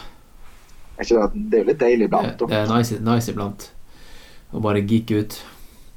Er det sant? Eh, har du noen andre ultra, Har du noen ultratips til folk før vi avslutter? Altså, jeg har bare lyst til å følge litt opp på det siste du sa. i forhold til det, når Du sa at jeg, ja, du har ikke sprunget mer enn kanskje 9000 høydemeter. og Men jeg tenker ja, det er mulig, altså. Det er ikke sånn at du må springe eh, ræva av deg hver uke for å klare eh, ekstraordinære ting. Du må bare på en måte tilpasse deg den formen du er, på en måte. Ja. Eh, og jeg tror egentlig at det er mye mer folk kan klare å springe ultra enn hva de tror. Jeg tror det er mye tøffere å springe et beinhardt maraton enn å springe 100 km. Altså. Eh, Ja, jeg, jeg, jeg tenker at folk må ikke være så redd for den ultradistansen. Altså. Nå er det jo mye ultraløpere som hører på dette, her sikkert, sånn sett, så, så de er vel fullt klar over det. Men jeg tenker ikke stress der så veldig. Det er nok stress til alle. så det er på en måte Har du en drøm å springe et ultra. Bare gjør det, ikke, ikke overtenk det, på en måte. Nei, det var Carl Meltzer som sa det at uh, 100 miles is not that far. Og uh, jeg, jeg var på en sånn Vet du hva Reddit er? Nettsida? Ja, da, altså, jeg vet ikke hva det er, men jeg er ikke noe bevandra, på en måte. Nei, nei, men jeg, jeg, jeg henger litt der når jeg vil drepe tid. Og da er det sånn her ultrarunning-gruppe. Eh, eller subreddit, som det heter. Og der var det en som spurte sånn her Hvordan burde jeg bygge opp eh, eh, toleransen min til distanser og, og sånt, da? Eh, når er jeg klar til å springe, springe en ultra? Er det liksom om tre år jeg kan springe 100 km? Og jeg, bruker veldig sjelden å, å delta på sånne her, samtaler eller sånne her, tråder. Men da kommenterte jeg bare sånn her eh, Hvis jeg putta en pistol til hodet ditt nå, så, så kunne du sprunget 400 miles. Ja, Ikke sant? Så du er en ultraløper nå, i dag. Ikke er om tre år. Alle er det. Ja. Og jeg husker før jeg skulle springe min første ultra, så var jeg en ultraløper fra den dagen jeg signet meg opp på det løpet. Altså sånn i hodet mitt så var jeg det, fordi at jeg måtte tenke som en. Ikke sant? Ja. Eh, og så da jeg faktisk fullførte, så ble jo han der cocky kisen. Don't- Don't be that guy. Ja, men altså, samtidig så tenker jeg eh, det, det er greit å prøve å ikke klare det. Ja, herregud. Ja, Jeg tenker det, det er ingenting gale med å på en måte eh, gi seg underveis og si Vet du hva, dette klarte jeg ikke. Da, da prøver jeg på nytt igjen senere. Det er helt greit. ja men ta nå og prøv. Ja, da tenker jeg jo ikke, ikke gå rundt og lure for i all evighet om dette er mulig. Bare prøve, da. Du, han, eh, han som jeg bor hos nå, eh, jeg bor i en Airbnb, eh, han er fra ja, Jeg tror han har kommet hjem. Jeg skal ikke si så høyt hvor han er fra, for da skjønner han at jeg snakker om han. Men han han, han, han snakker ikke norsk, så han ja, Uansett, da. Tror du, ja. Ja. Men nå skal du høre. Nå skal du høre. Han bor jo i Chamonix, ikke sant? så han vet jo veldig godt hva UTMB er. Så han, han hadde jo en eh, kompis som sprang UTMB. Og han er kisen her, da, han, eh, han springer jo ikke ellers. Han, er, han står på ski på vinteren, og så røyker han og sånn der. Um, men han, han skulle være support for kompisen, da. Og det han tenkte å gjøre, da, var å bare springe med han eh, et, noen kilometer. I hvert fall til, til første eller andre aid station. Sånn type til eh, Ja, fra Chamonix til uh, Les Hurges, og så opp til eh, ja, La oss si 50 km, da. Det ville vært liksom veldig langt for han. Ikke sant? Ja. Det er jo veldig langt for de fleste. 50 km. Ja, ja, absolutt. Og, og i tillegg da så hadde han kompisen bedt om eh, øl og vannmelon på stasjonene. Så det han Kisna gjorde da, det var å ta på seg helt vanlige klær, eh, helt vanlig ryggsekk, eh, kanskje løpesko, og så hadde han putta øl og en stor vannmelon i sekken, og så hadde han sprunget med han. Eh, hele UTMB, 40 timer. Hele UTMB. Og jeg, jeg, jeg, trodde ikke, jeg trodde han ikke først. eh, for, jeg, for jeg trodde han bare snakka dårlig engelsk eh, da han sa han hadde sprunget UTMB. Eh, men eh, men eh, det hadde han gjort, altså. Og i, og i går så serverte han meg vannmel den vannmelonen som de aldri, aldri fikk eh, skåret opp under løpet. Så jeg spiste en vannmelon som var, var blitt frakta rundt eh, av kisen her, da, rundt Mont Blanc i 40 timer. En legendarisk vannmelon. Ja, en sånn vannmelon får du ikke tak i mange plasser. Nei, den burde jo vært svindyr. Ja, da kunne jeg sett for mye penger. Men det bare vises der, du trenger ikke noe avansert utstyr. eller noe sånt der. Han bare tok på seg det han hadde. Ja, ja, og det er det jeg mener. Det er, det er liksom sånn eh, For all del lytter kroppen din, og ikke på en måte på en måte eh, Ja, en kan absolutt skade seg sjøl, men, men kroppen tåler ofte mer enn vi liksom gir, gir han kreditt for. altså. Ja. Og, ja, det merka jeg også på det etappeløpet, at liksom Hadde den første etappen bare vært med det racet, så hadde jeg vært helt gåen fysisk og mentalt. Yes, ja, sant. Men fordi at det lå tre etapper og venta på meg, så kunne ikke jeg tillate meg å være sliten. Og derfor ble jeg ikke sliten. Selvfølgelig var jeg sliten, men du skjønner hva jeg mener? Det, det Ja, men det er det du også. mindset òg, sant. Eh, Altså, det, det er litt sånn som du sier, den første etappen, nå har du gjerne tenkt at hvis jeg skal trene neste dag, da må det bli en sånn rolig, eller kanskje helst en hviledag, liksom. Ja. Eh, Men, men når du er på en måte klar, sant, så står du der på startstreken, og så er du ikke så stiv som du hadde tenkt, og du er på en måte, ja, du er liksom klar for action igjen, altså. Ja, når du bare du tar en kilometer, og så er du liksom godt i gang igjen, da. Ja. Selv om du var helt ødelagt i muskulaturen, så er du, så er du på'n igjen. Ja. Nei, altså jeg eh, sier da, kom deg ut og prøv deg, altså. Uansett hvem du er. Det er og så kanskje du til og med liker det, vet du. ja, men vi har det jo altfor komfortabelt ellers i livet. Det er litt godt å ha det litt ukomfortabelt iblant òg. Ja. Det er det det handler om. det når, I hvert fall når du er så heldig at du får lov å reise på et eller annet ultraløp. og på en måte, I hvert fall jeg så på en måte er det mer for opplevelsen eh, å treffe folk. Og så Det er helt enormt hva, hva forskjellige historier en treffer. altså. Eh, ja. Jeg satt jeg inne i kvelden vet du, der når jeg var i Greken. vet du, og Satt liksom plutselig ved siden av en eh, 75 år gammel mann. liksom, så Han skulle springe 170 km, han. Ja, ikke sant? Ja. Det er liksom bare Ja, nei, da var det ikke noe stress. har bare tatt deg tid til hjelp, da, liksom. Ja. Og så satt vi og spiste mat med et par fra Colorado, husker du det? Ja. Og de bodde vel i, i Telluride, som var liksom Ja, rett med Ja, nå er du der i Gressoni, sant? Ja. Ja. Og, eh, Herlige folk. og det, er jo, det er jo en av hovedbyene til det der eh, Hard Rock-løpet. Hard Rock 100. Eh, og så spurte jeg om han hadde løpt Hard Rock, og da sa han ja, åtte ganger. Ja, sant? Ja. Så, og så spurte jeg sånn han var eh, 60 år nå, da? må skjønne. Ja, han var godt over 65, ja. Eh, så spurte jeg hvordan har du klart det? Så sa han bare I'm old. ja. jeg digger det. Ja, det er så bra, vet du. De, de stresser deg ikke i det hele tatt, vet du. De bare, ja, nei, de bare koser seg. Ja, Der var jo mann og kone. altså Det var, der var jo sprang i lag. Ja. Han òg hadde jo fått det i gave fra kona si å reise her til å springe. Så. Akkurat som du. Akkurat samme historie, bare litt aldersforskjell. Ja. Så det var litt kult. Nei, så det er masse sånne kjekke historier. Og så, så er det på en måte de som er elite. og ja.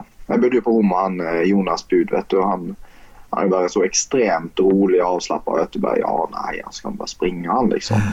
Det er ikke vits i å stresse da, liksom. Det er bare å, det er bare å kose seg. Han har svart belte, da. Ja, han tror jeg har svart belte. Ja, han har vært gjennom Han har også stressa, sånn som alle andre, ikke sant? Ja. Men han har vært gjennom eh, hele, hele sirkelen flere ganger nå, tenker jeg. At, eh, og, og skjønt det at det er ikke vits å stresse, det er bare å springe.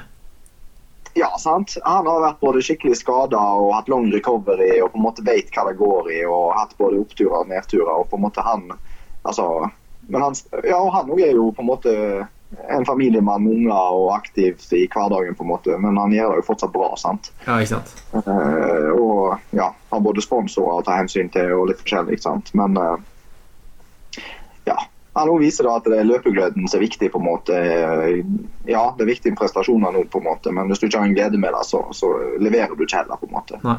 nei. Så, så jeg tror et smil om munnen og på en måte tillate seg selv å lytte til kroppen, og så, så kan en få til ganske mye, altså. Ja.